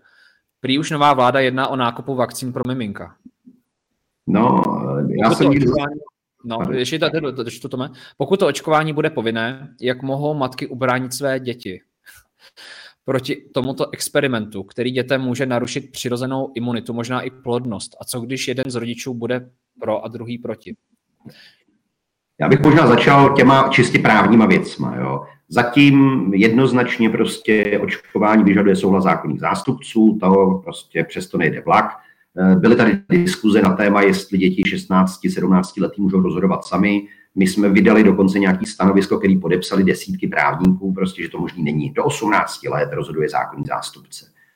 Eh, samozřejmě narážíme na to, že jsou problémy u třeba rozvedených rodičů, kde prostě jeden je zastáncem očkování, druhý je odpůrcem očkování a podobně. Tady bych upozornil na jednu strašlivě důležitou věc, kterou lidi nevědí. Jo. Často, že sice se vyžaduje souhlas obou rodičů, ale pokud jeden z nich ten souhlas poskytne, tak zákon říká, že třeba lékař má právo předpokládat, že i ten druhý ten souhlas poskytnul. Takže já doporučuji prostě oslovte svý pediatry aby věděli stejně tak školy a tak dále, že prostě odmítáte očkování. To je jedna věc. Tady ty katastrofické scénáře, jako my děláme všechno pro to, aby se takovéhle věci nestaly. Jo. Zatím vlastně historicky, a to, to je taky důležité, aby si lidi uvědomili, my tady máme fenomén povinného očkování poměrně dlouho a pokud někdo odmítne svoje dítě povinně očkovat, no tak prostě dostane pokutu a, a, a jede se dál.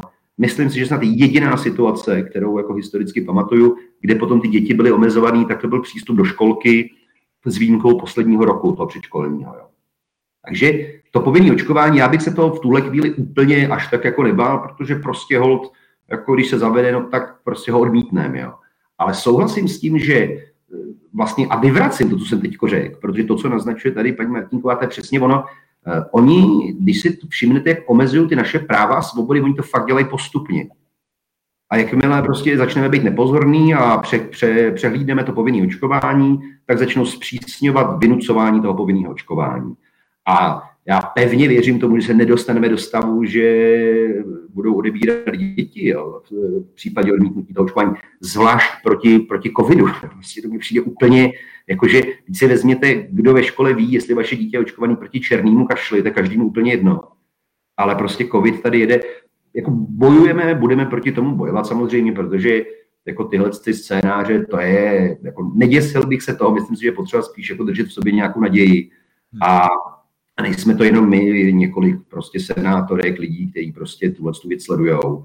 Ale, ale jo, jako dávejme si pozor na to, proto pokud někdo tady slyšel to, že říkám, nebojíme se povinného očkování, tak pozor, jako já v tuhle chvíli jsem to myslel spíš jako opravdu stylem, jako jak řekl pan předseda České lékařské komory Kubek asi před deseti lety, budeme se soudit, budeme to napadat a podobně. Ale pozor na to, ono se ta žába opravdu vaří. A jakmile přijdeme o jedno právo, oni už nám ho nevrátí. Nám vezmou jedno, pak vezmou druhý, pak nám půlku vrátí třeba, ale už jsme jenom na části toho, kde jsme byli na začátku. Takže souhlasím s tím, dávíme na to pozor. To jméne díky moc, tady lidi píšou komentáře, že ti moc děkuji za tvoje odpovědi. Jo, taky si toho moc vážím, tvojí otevřenosti. Jinak my tady mluvíme na plnou pusu. Proto dáváme prostor i na nesouhlas. Pokud máte jiný názor, tak ho napište do diskuze. Jo? Tady to není pod žádnou restrikcí, jste tady prostě na blogu Zákony bohatství, kde opravdu svoje hosty spovídám, nebo bavíme se, dáváme prostor vašim otázkám a mluvíme tak, jak nám rypák narostl. Takže, takže nemáme tady někde nějakého investora, který by říkal, tohle to tam říkat nebudeš. No. Tady tenhle ten dotaz tady pana Matějky. No, no, to je to sazení. Já to tady přečtu pro všechny no, diváky, protože to mají menší. Ahoj, chci se zeptat, můžu zažalovat ředitelku školy, když stále nutí děti nosit roušky a vyhrožuje ospodem rodičům, když to nebudou dodržovat? A přítelkyně už ospod zavolala. My chceme děti sebe bránit. Na přítelkyně už ospod zavolala. A je, jako, zase znova se k tomu vracím. Jo? Prostě já vůbec nechápu, jak někdo může takovýmhle způsobem prostě přistupovat k dětem. Jo? Prostě ty lidi si neuvědomují, pokud ta paní ředitelka takhle vystupuje, tak mě by fakt zajímalo, proč. Jo? Jako, jestli je tak vyděšená z té nemoci, tak ať si koupí respirátor a nosí ho, ať se nechá očkovat, ale pro boha nechá svoje děti. A teď si vezměte, to je přesně ono. To je to, co se vládě povedlo. Ona ve chvíli, kdy zaútočila na naše děti, tak nás ohrožuje na tom úplně nejcennějším, co máme, na tom nejcitlivějším, co máme. A jestli začínají vyhrožovat ospodem, tak prostě jako ano, v tom případě bych možná podal trestní oznámení, Každopádně bych opravdu s paní ředitelkou to probral, možná bych tam na ní vzali právníka, protože tohle už je jako hluboce začárou, to už není jenom otázka práva, to je prostě jako, jako ohavnost, jo? to prostě to nejde přehlížet takovýhle věci. Adel Lounková. Je vůbec ještě nějaká šance se odvolávat na ústavu a svoji svobodu, když vás obratem odsoudí lidi za to, že ohrožujete veřejné zdraví? Jak z tohoto kolotoče ven? No, jeden můj známý říká, musíme prostě okopávat chodníky, no, to se nedá nic dělat, jako jsme na té horší straně barikády, protože nejsme financovaní farmaceutickými firmama, nemáme za sebou státní rozpočet a podobně, ale jako je to nezbytný, prostě nemůžeme to vzdát. To znamená, pořád se musíme odvolávat na ústavu. Samozřejmě ten marketing té druhé strany je taky dobrý, oni se taky odvolávají na ústavu. Blbý je, že se odvolávají na ústavu, která neexistuje. Jo? Oni prostě tady argumentují veřejným zdravím, ale to prostě není žádný právo, který by bylo v listině základních práv a svobod garantovaný, zatímco ochrana, já nevím, soukromí, svobody, eh, osobní svobody, svobody pohybu a tak dále, to jsou prostě garantované práva, je to nezbytný. protože prostě jakmile ustoupíme, jakmile si vzdáme, tak nás prostě ta státní moc převálcuje. Jo. Proto prostě my pořád chodíme do těch soudních sporů, proto vlastně s kolegama dáváme dohromady ty, ty trestní oznámení, žaloby, návody, protože jakmile v tomhle tom pole víme, tak prostě nás požerou, to nejde. Taky lidi ti děkují za tvoji činnost. Je tady potřeba ještě zmínit jednu věc. Eh, mě tak jako píšete nám, píšete pro Libertate, píšete Tomášovi, vím to, píšete i na zákony bohatství. Já vás opravdu vyzývám. Tady je zapotřebí, aby každý se postavil sám za sebe. Ona ta svoboda není zase tak zadarmo, není to, není to kobliha. Jo? To znamená, opravdu se postavte za svoje práva, nespolehejte na žádného mesiáše. Tady je potřeba, aby se v každém z vás probudil trochu ten drak, trochu takový ten lovec, taková ta Amazonka a řekli jste si a dost, a, a nebáli jste se, protože co se vám nejhoršího může stát, když se postavíte proti těm, kteří vás třeba v tuhle chvíli znevýhodňují. Už teďka jste znevýhodněný. Jo? To znamená, uh, pojďte, pojďte, pojďte, já jsem teďka nedávno viděl film Duna, já vám ho doporučuji, je to teda, mm. je to od Franka Herberta a tam oni říkají, strach je malá smrt. Já si myslím, že v dnešní době to platí a platilo to v minulosti a bude to platit. Strach je malá, malá smrt. To znamená, buď to budete prožívat malou smrt každý den, anebo opravdu ty svoje otázky přeměníte v akci. Přeměníte v to, že převezmete absolutní zodpovědnost a budete to řešit. Jo, prostě tak, takže tohle to jenom jako říkám, jo, protože ono to zní hrozně hezky, jak tady mluvíme a vy máte pocit, že vám to pomáhá. My vás pouze inspirujeme s Tomášem. Asi sem zvu osobnosti, abyste prostě viděli jináčí názor, abyste se zamysleli, aby to byla otevřená diskuze, abyste mohli souhlasit i nesouhlasit, ale je to opravdu na vás. Já vím, že to nezní příjemně, ale já vám nebudu matlat met kolem pusy. Je to na vás, je to na nás, je to na všech. A když se ten jednotlivec probudí, tak se potom můžou začít dít ty věci okolo vás. Vy jste ta změna. Vy jste ta změna. Jo? Takže, uh, Tome, první... to... můžu, můžu, můžu, můžu k tomu jenom krátce. Tam jako dvě věci. Jo. Jedna věc je, uh, když třeba, já, já třeba zastávám prá, názor, že je potřeba třídit odpad. No tak dělám to, že ho prostě třídím. A tak nějak jako vnitřně věřím, že třeba se připojí další lidi a budou třídit odpad další lidi. Ale určitě se nepostavím před popelnici se směsným uh, odpadem a nebudu nadávat ostatním, že netřídí odpad. To prostě takhle dospělý člověk nemůže fungovat. My prostě, ty si použil slovo inspirace, já nevím, jestli to není moc, moc, vznosný pro to, co děláme, ale, ale prostě my prostě držíme nějaký příklad, protože věříme tomu, že to děláme správně a že se třeba někdo chytne. A druhá věc, je strašně podstatný, aby si lidi uvědomili. Eh, třeba ten, ten náš institut pro libertáte prostě dělá opravdu denodenně spoustu práce, podáváme různé návrhy na zrušení opatření, snažíme se komunikovat do médií a tak dále. A a fakt jako nemáme kapacitu odpovídat na ty stovky dotazů, takže já se i omlouvám, pokud mi napíšete a já na to ani nezareaguju. Tak to opravdu není tím, že by nám na vás nezáleželo, ale je to přesně to, co říká Tomáš. My bychom hrozně potřebovali pomoc od každého člověka. Za prvé, spousta z vás, nebo každý z vás máte nějakou odbornost, tak ji využijte. Otravujte ty média, pište jim ty svoje příběhy, pište poslancům, zkoušejte cokoliv, bavte se v komunitách jakoby, kolem sebe, snažte se prostě tím příkladem nějak jako rozhoupat i ty ostatní, protože mně, přijde hrozně ošklivý a nepříjemný takový to opravdu, jak vznikla ta jako zdánlivě boj mezi dvěma skupinama. Já třeba jako s kolegama říkáme, nezdělujte nikomu, jestli jste nebo nejste očkovaný, ať si každý, teď je to každému úplně jedno. A jakmile to o sobě nebudeme vědět, tak úplně zmizej tenhle ten styl, styl konfliktu. Máme jediného protivníka. To je prostě vláda, to je stát, který se nám snaží nehorázným způsobem prostě sebrat naše svobody. A, a vlastně už uspěl, jako v mnoha případech. Takže pojďme se trošičku jakoby sebrat a opravdu každý přispět nějakou jako trochou toho, do, do, toho, do toho okopávání kotníků. Tak pokud říkám, opakuji, to je otevřená diskuze, pokud máte jiný názor než tady třeba Tom nebo já, tak určitě pište do komentářů, je to neformální a je to o tom se bavit a já budu zároveň rád, když vy ostatní budete reagovat třeba na komentáře dalších lidí. Aneta Bačíková. Hygiena přišla do školy a rozdávala lístky s pokutou žákům, kteří neměli roušku. Můžeme se bránit, když škola je pasivní a nechá se ovládat nesmyslnými nařízeními, ptá se Aneta. Jo, tak jako ve chvíli, kdy dostanete nějaké rozhodnutí hygieny o, o, o pokutě, tak v tom rozhodnutí vždycky bude poučení, do jaké lhuty se můžete odvolat, tak se odvolejte. Pokud to bude formou příkazu, tak podáte odpor, pokud to bude rozhodnutí, tak se odvoláte.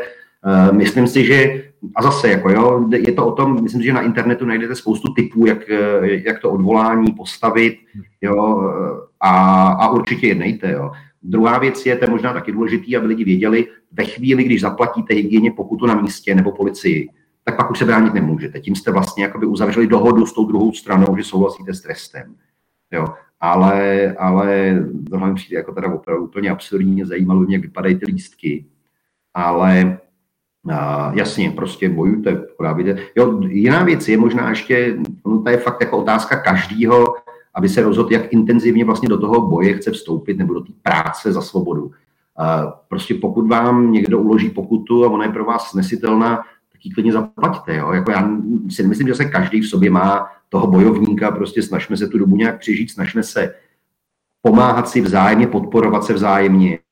Jo, zase právo říká to, nebo ta, ta realita je taková, že ve chvíli, kdy eh, odmítnete tu pokutu na místě, tu blokovou pokutu takzvanou, a eh, přejdete do správního řízení, tak můžete dostat výrazně vyšší pokutu. Jo. Já bych to udělal, udělal jsem to několikrát v minulosti, protože prostě jsem přesvědčený o tom, že ty soudní spory vyhrajou. Ale, ale nepřijde mi jako zbabělo ani zaplatit tu pokutu, pro pokud prostě chci mít pokoj. Jo, jenom, jenom pokud se chcete bránit, tak pozor na ty lhuty a v každém tom rozhodnutí by to mělo být uvedeno. Tome, já navážu, jaká je úspěšnost, tak jako eh, třeba uh, máš to vysledovaný nějakým způsobem prakticky, když takhle za tebou přijdou a chtějí tě pokutovat? Jako, Ale... jak, jak, a ty to odmítneš a řekneš, já, jsem poku, já nesouhlasím s tím, že jsem se dopustil přestupku? Mně se to stalo asi jednou nebo dvakrát, kdy jsem byl takhle, to byly právě ty doby, kdy se nesměl nosit, musel nosit roušky venku. A, a vlastně po každý to se mnou někdo sepsal, už se nikdy nikdo nevozval, jo ale, ale samozřejmě jsem odmítnul platit pokutu na místě, to je jasný. Ale mám třeba příklad od jedné skupiny klientů, nebo respektive prostě lidí, s kterými jsme pracovali, eh, z nějaký hospody někde snad na východě Čech, který tam prostě hygiena byla aktivní, takže tam rozdávala pokuty prostě skoro denodenně. Tak jsme těm lidem eh, nějakým způsobem připravili nějaký vzorový odvolání, oni ho rozeslali. A pokud se nepletu, tak ve všech případech jim pak přišel dopis z hygieny, že to vlastně rozmysleli a že to dál řešit nebudou. Jo, takže jako, já myslím, že v řadě případů ty hygieny vědí, že, že jsou mimo. Na druhou stranu si pokud zaplatíte pokutu na, na místě Vortu Bokovou, tak pak už se neodvoláte, pak už prostě jste přiznali tu odpovědnost, respektive uzavřeli jakousi dohodu o tom, že o vině a trestu, abych tak řekl. Že to takový onaký. Dobře, Pavla Lacko, podle kterého paragrafu tedy zákona nejsem povinná Čišníkovi ukázat svůj zdravotní stav? Děkuju. Ptá se Pavla. A to je zase hrozně skvělá otázka. A já na to zareaguji, nemyslím to ve zlým, jo. Listina základních práv a svobod říká, že, a dokonce ústava říká, že každý může dělat to, co není zákonem zakázáno. Takže to není o tom, že my musíme mít v zákoně napsáno, že nemusíme někomu něco ukazovat. Ale aby jsme někomu něco museli ukázat, tak by to nějaký zákon musel stanovit. Každopádně, pokud se odvoláte na nařízení GDPR o všeobecné nařízení o ochraně osobních údajů evropský, tak eh, tam to z toho vyplývá úplně jednoznačně, jako číšník nemá nárok na informace o, o vašem zdravotním stavu, což je dokonce jako zvláštní kategorie osobních údajů, která je chráněna ještě víc než normální osobní údaje. Takže když mu řeknete GDPR, eh, on se vás zeptá, jestli eh, splňujete podmínky pro vstup, vy mu řeknete, že ano, tak on vás kontroloval tak, jak má, vy jste kontrolou prošla a to je celý. Jako nemá vůbec právo cokoliv po vás chtít a znova říkám, abyste povinnost měla, tak to musí být stanovený v nějakém právním předpise a to není. Tak, dostala odpověď. Faninka, děkuji moc Tome za tvoje konkrétní řešení a tvoje odpovědi. Jana Cingelová se ptá, škola může odmítnout nařízení hygieny? Tak teď úplně si nejsem jistý, co znamená nařízení hygieny, ale pokud tím eh, ta dotazovatelka má na mysli to vyhlášení karantény, tak jasně, existuje dokonce judikát nejvyššího správního soudu, který prostě říká, karanténní opatření, což je to, co se týká žáků a učitelů, kteří byli v kontaktu, s, v tom rizikovém kontaktu, lze nařídit jedině formou správního rozhodnutí. To správní rozhodnutí musí být oznámeno, to znamená doručeno, musí to mít formu správního rozhodnutí maily, SMSky, informace o tom, jako že jste v karanténě a podobně, prostě tuhle, tuhle právní povahu nemají. Takže, takže nejen, že škola může odmítnout nařízení hygieny, ale pokud takovouhle informaci dostane, tak z mýho hlediska by se jí škola vůbec neměla řídit, protože žádná karanténa nebyla, nebyla vyhlášena. To neznamená samozřejmě, že není fajn, aby třeba ta škola oznámila rodičům, podle hygieny mohlo být dítě v nějakém rizikovém kontaktu. To je něco jiného. Mě by vlastně vůbec nevadilo, kdyby se víc informovalo. Ale jako takový to striktní zakazování dětem chodit do školy a zejména těm starším dětem prostě opravdu, že polovina zůstane doma a, a učte se, jak umíte a polovina chodí do školy, to prostě šílenost. Ptá se Lída Zajacová.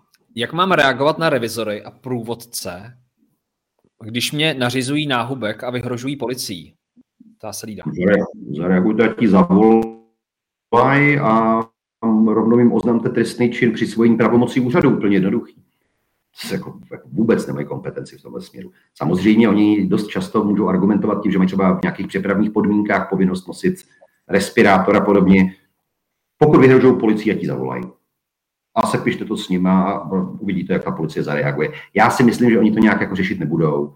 Maximálně to pak přidají krajský hygienický stanici, která si vás potom bude, bude nebo může, může vás prostě přestupkově nějakým způsobem stíhat a uložit vám pokutu, ale jako, jako revizor má kontrolovat jízdenky, takže to bych, to bych fakt neřešil vůbec. Tak chodí od vás zajímavé otázky. Mnoho odpovědí se opakuje, takže já vás poprosím, pokud jste se třeba připojili teďka eh, k našemu vysílání na blogu Zákony bohatství, tak se po ukončení živého vysílání podívejte na záznam, protože opravdu Tomáš odpovídá na otázky, které zde pokládáte. A, tak to se vás snažíme jenom trochu uklidnit, protože třeba nestihneme odpovědět úplně na všecko. Odřich Střítešský se ptá, Tome, pokud nepustí žáka do školy z důvodu například nenošení roušky nebo odmítnutí testů, kdo je za to právně odpovědný? Škola nebo zřizovatel? Na koho směřovat případnou žalobu? No, je dobrá otázka. A, těžko říct, jo, protože my jsme třeba, nebo jeden kolega vlastně žaloval školu právě z důvodu nějakého tady jako porušování práv dítěte a soud rozhodl tak, že vlastně škola za to nemůže, že pouze vykonává svoje povinnosti, které jsou stanoveny mimořádným opatřením a že je potřeba teda napadnout mimořádný opatření. Já si myslím, jako za mě v podstatě je potřeba rozlišit dvě situace. Jedna je skutečně ta, že nějaký mimořádný opatření něco říká a ta škola jakoby prosazuje to, aby bylo naplněné, co to mimořádné opatření říká. V takovém případě podle mého názoru je potřeba podat eh, návrh k nejvyššímu správnímu soudu na zrušení mimořádného opatření. Hmm. Ve chvíli ale, kdy prostě učitel násilně prostě využije nějakou svoji sílu vůči dítěti, aby ho k něčemu nutil, jo, já si třeba nemůžu představit, ale vlastně jako asi umím, že se postaví do dveří tomu dítěti a nechce ho pustit a tak dál. Pak už si myslím, že to jako je za to odpovědná možná dokonce ani ne škola, ale ten konkrétní pedagog, který to dělá. Jo. Na druhou stranu, prostě, já už jsem to říkal několikrát, jako nikdo z nás přece nechceme ty děti traumatizovat nějakýma zbytečnýma konfliktama a podobně, takže vždycky záleží samozřejmě na tom, jak to dítě je nastavený, ale za mě nejlepší je prostě pokusit se s těmi lidma dohodnout, nějak jako rozumně. Já vím, že to nejde, já vím, že to jako zní blbě, ale, ale podle mě to je jako jediná, jediná možnost. A skutečně se zkusit bavit s těma rodičema. My jsme si hrozně odvykli totiž jakoby bavit se mezi sebou. Jo. My jsme fakt jako pořád na Facebooku, v práci a doma a, a možná teda hlavně v Praze, jo, možná, že na venkově to přece jenom funguje trošku líp, ten komunitní život. Ale já si myslím, že na čase ho obnovit, prostě vypnout počítače, což se teda dobře říká teď zrovna, ale prosím nevypínat, ale uh, a prostě začít chodit ven a bavit se s lidma. A, jako, a opravdu jako přesvědčovat i nějakým způsobem, a teď to nemyslím jako ve zlým přesvědčovat, ale, ale popisovat, jak se cítíte. Mně přijde to je vlastně nejdůležitější. Já jsem třeba odbočím, Kdysi dávno jsem se bavil s jednou, s jednou dámou, která mi řekla, že vlastně nošení respirátorů, respirátorů nebo roušky tehdy venku, že to vnímá vlastně podobně jako znásilnění, že někdo něco dělá s jejím tělem, co ona prostě nechce, aby se dělo. A pak někdo řekne, a to nic není. Nikdo nemá právo posuzovat, jak druhý člověk cítí nějakou situaci. Hmm. A to, co předtím varují psychologové úplně neskutečným způsobem, a i psychiatři čtete to i v médiích, i v těch mainstreamových, je to, že ta dětská duše, to je ještě něco, co ten dospělý si vůbec neumí představit. Jo, každý, kdo někdy byl na nějaký psychologický terapii a podobně ví, jak vlastně ty psychologové odvírají ty rány z toho dětství. A teď se bavíme o těch dětech, ty tam ty rány dostávají. A já musím říct, že teda ty učitele, ředitele, který nejsou lidský v tomhle smyslu, já to, já tomu prostě nerozumím. Chápu, že se bojí postihu ze strany zřizovatele, ale kurník tady fakt bojujeme za mnohem důležitější věci. My fakt bojujeme za, za, za tu dětskou duši. Ono to zní možná jako přehnaně, ale já to tak fakt cítím. Hmm. My jsme zrovna, to ty jsi hezky nahrál. Já jsem nedávno vysílal s Milanem Studničkou, což je psycholog, a tohoto téma jsme docela řešili. A, takže to, co tady říkáš, se potvrzuje v podstatě i prakticky. Jo? Děti opravdu, je zvýšené množství dětí, které navštěvují terapie, eh, psychologové to řeší, vydávají o tom články, upozorňují vládu, upozorňují politiky a, a točíme se v takovém začarovaném kruhu. A... No, podívej, podívejte se jenom, podívejte se všichni na ty poradní týmy, které vláda historicky měla. Kolik je tam psychologů, kolik je tam právníků, kolik je tam ekonomů. Tam jsou jenom virologové, jenom epidemiologové, prostě to jednostranný strašně. A ještě jedna věc, kterou ty psychologové říkají, a to je totiž pro mě to nejhrůzostrašnější. Já tomu fakt nerozumím, já nejsem psycholog, jo, ale pokud to dítě už v tuhle chvíli trpí nějakýma depresema, nějakýma prostě jakoby patologickýma stavama, tak když to tak jako řeknu, já to aspoň vnitřně cítím, tak, tak se to aspoň dá řešit, protože prostě už prochází tou fází. Ale ty malí děti, které jsou strašně přizpůsobiví, jsou hrozně hodní, snaží se nám vyhovět, když něčemu nerozumí, tak se tomu prostě přizpůsobí, vidějí dospělí jako svoje bohy v podstatě. Tak ty se tváří, že jsou úplně v klidu. Ale co mi vidí, co, co se jim stane, jako pro, proto o tom mluvím. Hmm. Že se nejvíc bojím vlastně o ty děti, které se tváří, že jsou úplně v pohodě.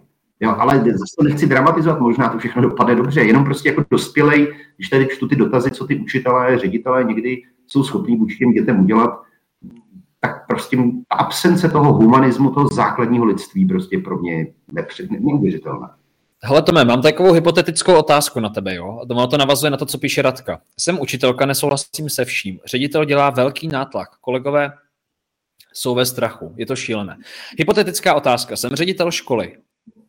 Řeknu si, fajn, nasrat. Jo, děti sem budou chodit normálně, prostě nemá to žádnou opěrnu, opěrku řeknu učitelům, hele, nebudeme to vůbec, vůbec, vůbec teďka řešit, je to prostě politika a není to opřený o žádný zákony. Co jako ten ředitel způsobím, co se mi bude dít a jaký to má důsledky? Vytvoří na mě nějaký větší tlak? Budou mě, po, budou mě někde protahovat? Eh, nebo, nebo vlastně se ubráním, když si vezmu právníka a řeknu, ne, já si prostě tohoto nenechám od vás líbit. Já jsem tady ředitel 10 let na téhle škole, eh, nemáte o to žádný opěrný body, tady nebudeme diskriminovat, eh, různě segmentovat děti, vytvářet v nich psychické poruchy. Co se může stát? Hypotetická otázka.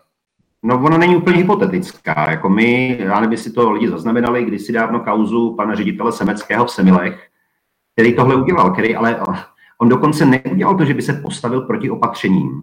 On si prostě řekl, že povinností školy je učit a tak zavedl pravidla typu testy jsou k dispozici, kdo se otestuje, otestuje, kdo se odmítá otestovat, tak se prostě nebude testovat, protože já ho k tomu nemám právo nutit. To nebylo o tom, že by se vzepřel vládě nebo něčemu ale vytvořil prostředí, který byl strašně přátelský vůči dětem. Celou dobu, co vlastně to fungovalo, tak tam prostě chodili eh, jako děti, kteří nosili roušky, nenosili testovaný, netestovaný. Podle mě tam nevypukla nikdy žádná nákaza. A rodiče v podstatě i ty, kteří byli jakoby zastánci, nebo kteří se báli, i ty, kteří se nebáli, tak vlastně žili celkem normálně.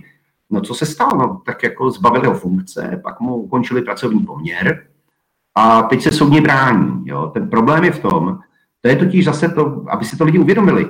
Proto mi hrozně apelujeme na tu vlastní činnost těch lidí. Jo.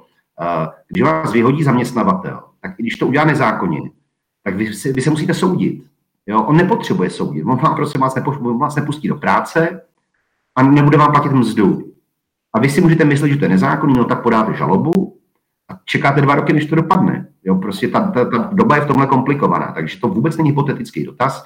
A já jsem přesvědčený o tom, že ty režimy, které zavádějí ředitelé, jsou prostě protiprávní a že kdyby postupovali čistě podle toho opatření, tak budou postupovat spíš vzorem toho, toho pana ředitele Seneckého. A musím říct, že mě se na tom jeho příkladu hrozně líbila ještě jedna věc. On, tak jak jsem to pochopil, tak eh, jako on si nenašel právníka, který mu řekne, jak to má udělat. On prostě se bavil se všema rodičima, diskutoval s nimi, hledal nějaké řešení. Dokonce žádal zřizovatele o radu, jak se má k těm opatřením postavit, aby vlastně ne, neomezoval nikoho v jeho právech. A všichni se, kromě rodičů, teda já myslím, že měl tehdy poměrně velkou podporu mezi rodičema, ale zřizovatel se prostě proti němu postavil, zbavil jeho funkce, takže jo, jako, jako vyžaduje to určitou osobní statečnost. Ale na druhou stranu, jako bez ní skončíme prostě blbě. No. Já se tady právě tohleto vypointovat, protože ono to zní trochu jako, jako degradačně, jo? Jako, že on byl vyhozen a on byl jako pošpiněn, je to špína, ono to trochu inklinuje k tomu, jo, myšlení, že on je vlastně míň, že on je míň, ale to, to, to prostě to je presumce, to je presumce viny. Tady musí být nějaká presumce neviny. To znamená, uh, jako já bych ten případ i sledoval, tomu já myslím, že by bylo fajn potom se na to podívat, protože dost možná to vytvoří nějaký precedent. A já si myslím, že s ním mají docela jako v, té, v té právní hantýrce, jak to chápu a vnímám, co tady dneska říkáš, že to s ním nemají vůbec jednoduchý, protože on se vlastně postavil za nějaký princip, ten člověk. On se postavil za princip, on se postavil za lidskost a za něco, co on vnímá v komunikaci s rodiči a tak dále. A to může být velmi zajímavý precedent do budoucna, protože třeba takových lidí bude víc, jo, který to... No prostě, nebo no, škola má jít příkladem dětem, škola má vytvářet přátelský prostředí, ale zejména má poskytovat vzdělávání. A ne terorizovat lidi a vynucovat opatření, které vůbec nepatří do do kompetencí té školy. Takže mně se právě na tom hrozně líbí, že i ty lidi kolem, kolem něj, to tak jako, a není sám těch ředitelů, je, je řada, jo, který to udělali, tak vlastně o tom mluví, jako by se nic nestalo. Prostě říkají, jako tak to je úplně logický, tak máme malé děti, o kterých se staráme, kterých chceme učit, no tak prostě vytvoříme podmínky, aby se učit mohlo co nejvíc dětí. Jo, mně se jako hrozně líbí a právě tyhle příklady jsou strašně důležitý, přesně souhlasím s tím, a, a, a na druhou stranu prostě ty rizika tam jsou. To si neříkejme, že, že nejsou. No. Ale na Staničková se ptá, takže když pošlu dítě do školy, odmítne test i roušku, musí umožnit normální výuku? Chápu to dobře. Když výuku hmm. neumožní, tak co mám udělat? Mám zavolat, uh, co to je, to nepoznám. Policii České republiky nebo co? Já tam nějaký zkrátka počora, asi policie České republiky, ano. Nebo co mám dělat? Ptá se Alena. To je totiž přesně to, jako my jsme v takovém zvláštním mimoprávním režimu. Uh, ona, ta škola vlastně jako má povinnost neumožnit tomu dítěti výuku. Jo, to prostě v tom mimořádném opatření to tak je, ale ona nemá nástroje, jak to může udělat. To je na tom to zajímavé. Ona prostě jako, jako neumožní. Co to znamená? Jako, že řekne, já ti to neumožňuju.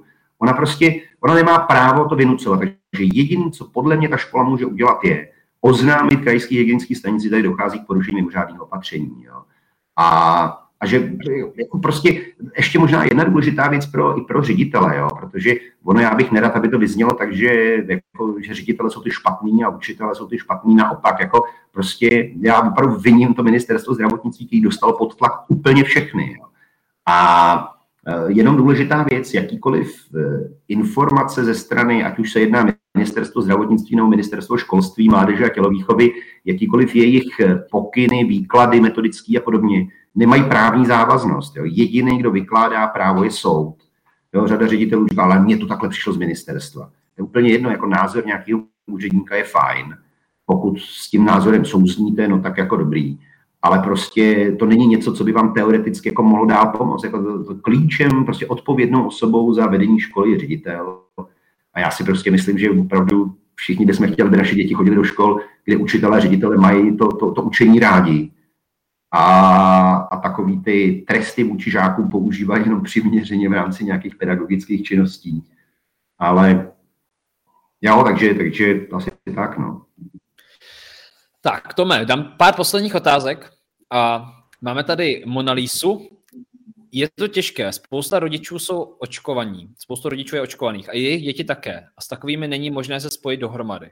Tady by bylo možná dobrý říct, proč je třeba důležitý pro ty, když to teďka vezmu s tečkou, aby třeba se snažili hájit práva těch lidí, kteří s tečkou nejsou v tuhle chvíli. Co si myslíš? Jak by se s tomu chtěl vyjádřit, jak chceš? Pojď. No, za mě jedna věc je znova. Eh, nikdo nemá právo nutit někoho jiného, aby, se, aby někoho hájil. Jo.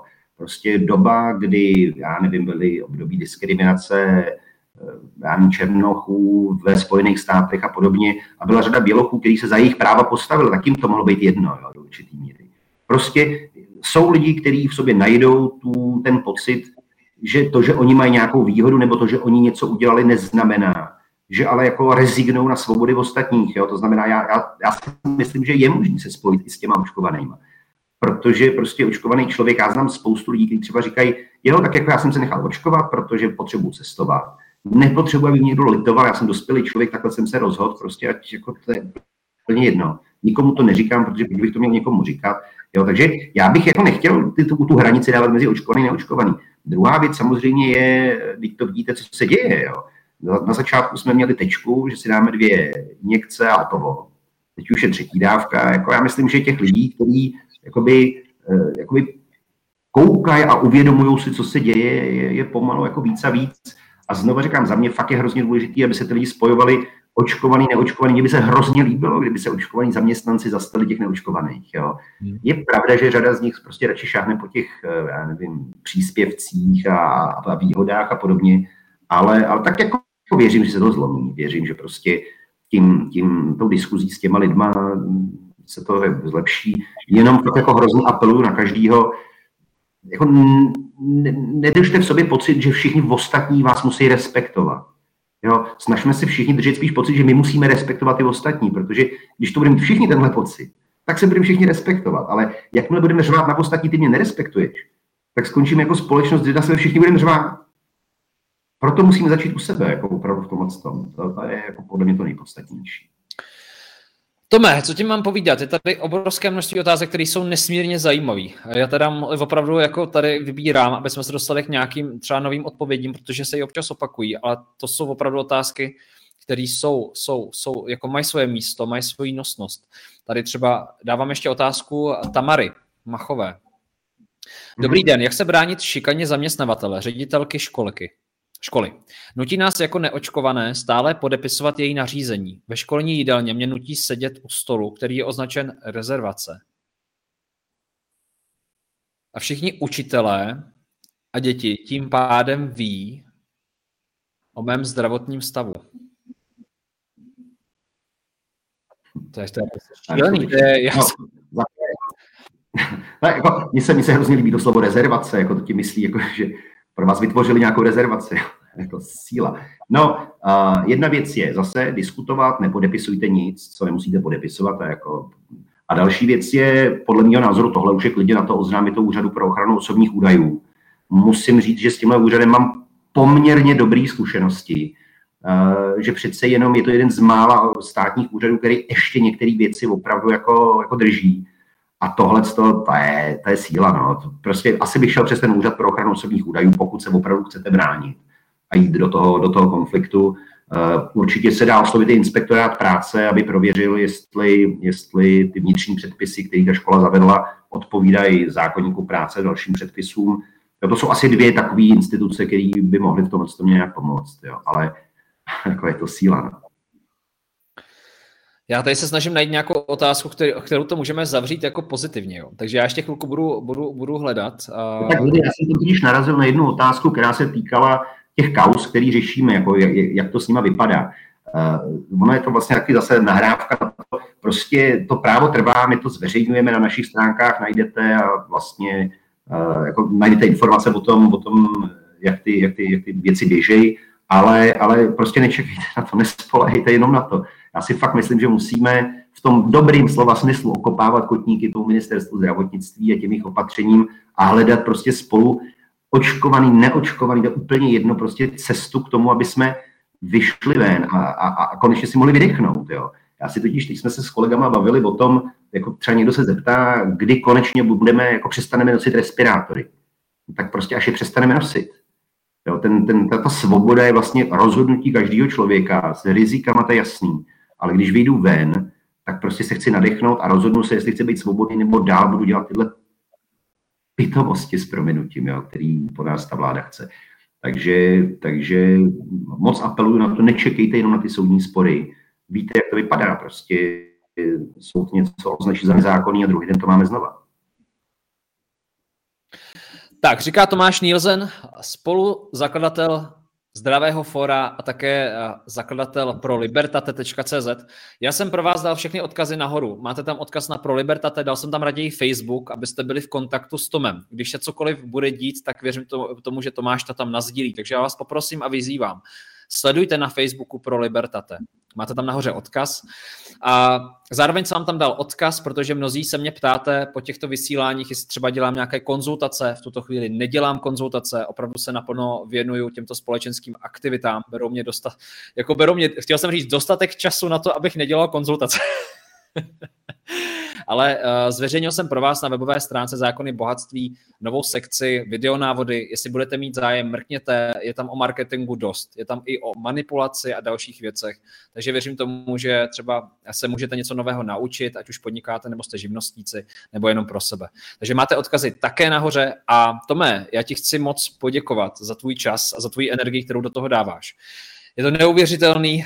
Já se vám přiznám, že jsem s Tomem v kontaktu, protože prostě sledujeme tu situaci a mně osobně není jedno, co se děje v této zemi. Není mi jedno, co se děje s mými právy, s právy mýho souseda. A myslím si, že svoboda je něco, co není přirozený a samozřejmý. Myslím si, že to je něco, co je nutný si hlídat, pečovat o to a nepodceňovat, nepodceňovat takový malinký trhlinky a nepodceňovat je, protože Víte, eh, já jsem sledoval některé své kolegy v branži, nebo jako sleduju to v online, co se děje.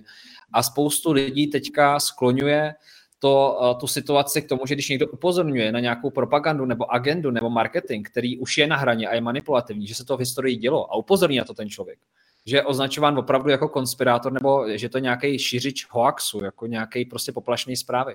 Ale já znovu zopakuju. Pokud se neponaučíme z historie, tak se bude opakovat. A můžete se na to, co se dělo v minulosti, koukat jako na hoax, když to vezmete do přítomnosti, anebo to vezmete jako zkušenost, kterou máme a kterou nechceme opakovat. A já si právě myslím, že je zapotřebí, aby lidé v této demokratické zemi upozorňovali na možnosti, které se otevírají a které nejsou prospěšné. Proto ti Tomáš chci moc poděkovat za tvoji práci i za odkaz, který děláš a dáváš lidem. A uh, chci samozřejmě vyzvat i vás, co nás sledujete. Opravdu to stojí teďka na akci. Stojí to na tom, aby se každý ozval, aby se každý postavil za své práva a aby jsme se věnovali tomu, jsme se dost možná na základní škole a na střední a nebo na vysoké tolik nevěnovali. A to je právě osobní práva, svobody, listina základních lidských práv a svobod, ústava. Já na toto téma budu vysílat ještě s Janou Zvirtek Hamplovou na této stránce, takže se můžete těšit. Tome, tebe, tebe jsem taky ještě pozval na jedno téma. A dávám ti slovo k závěru našeho vysílání. Pojď, co máš na srdci. Tak zaprvé pozdravu Janu, protože to je jedna z takových jako velice mých oblíbených kolegyň. My se teď vlastně docela jsme hodně v kontaktu, tak to je super člověk, který taky toho dělá hrozně moc. Chci poděkovat tobě, protože to je totiž přesně to, co, co, co my potřebujeme. My potřebujeme mít možnost jakoby vyjádřit ten svůj názor a nějak ho šířit a strašně nám to pomáhá.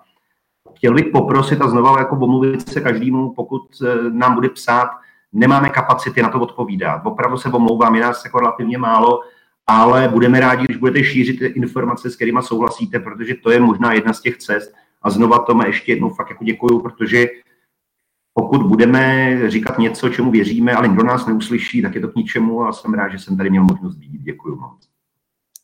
Já děkuju.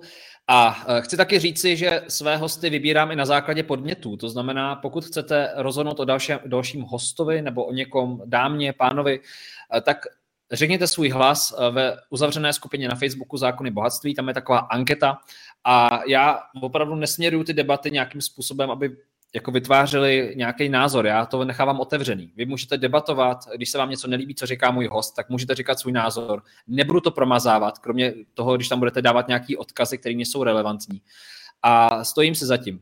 Pokud s něčím nesouhlasíte, napište nám to, eh, my se budeme prát o vaše právo nesouhlasit. Dělejte to samé.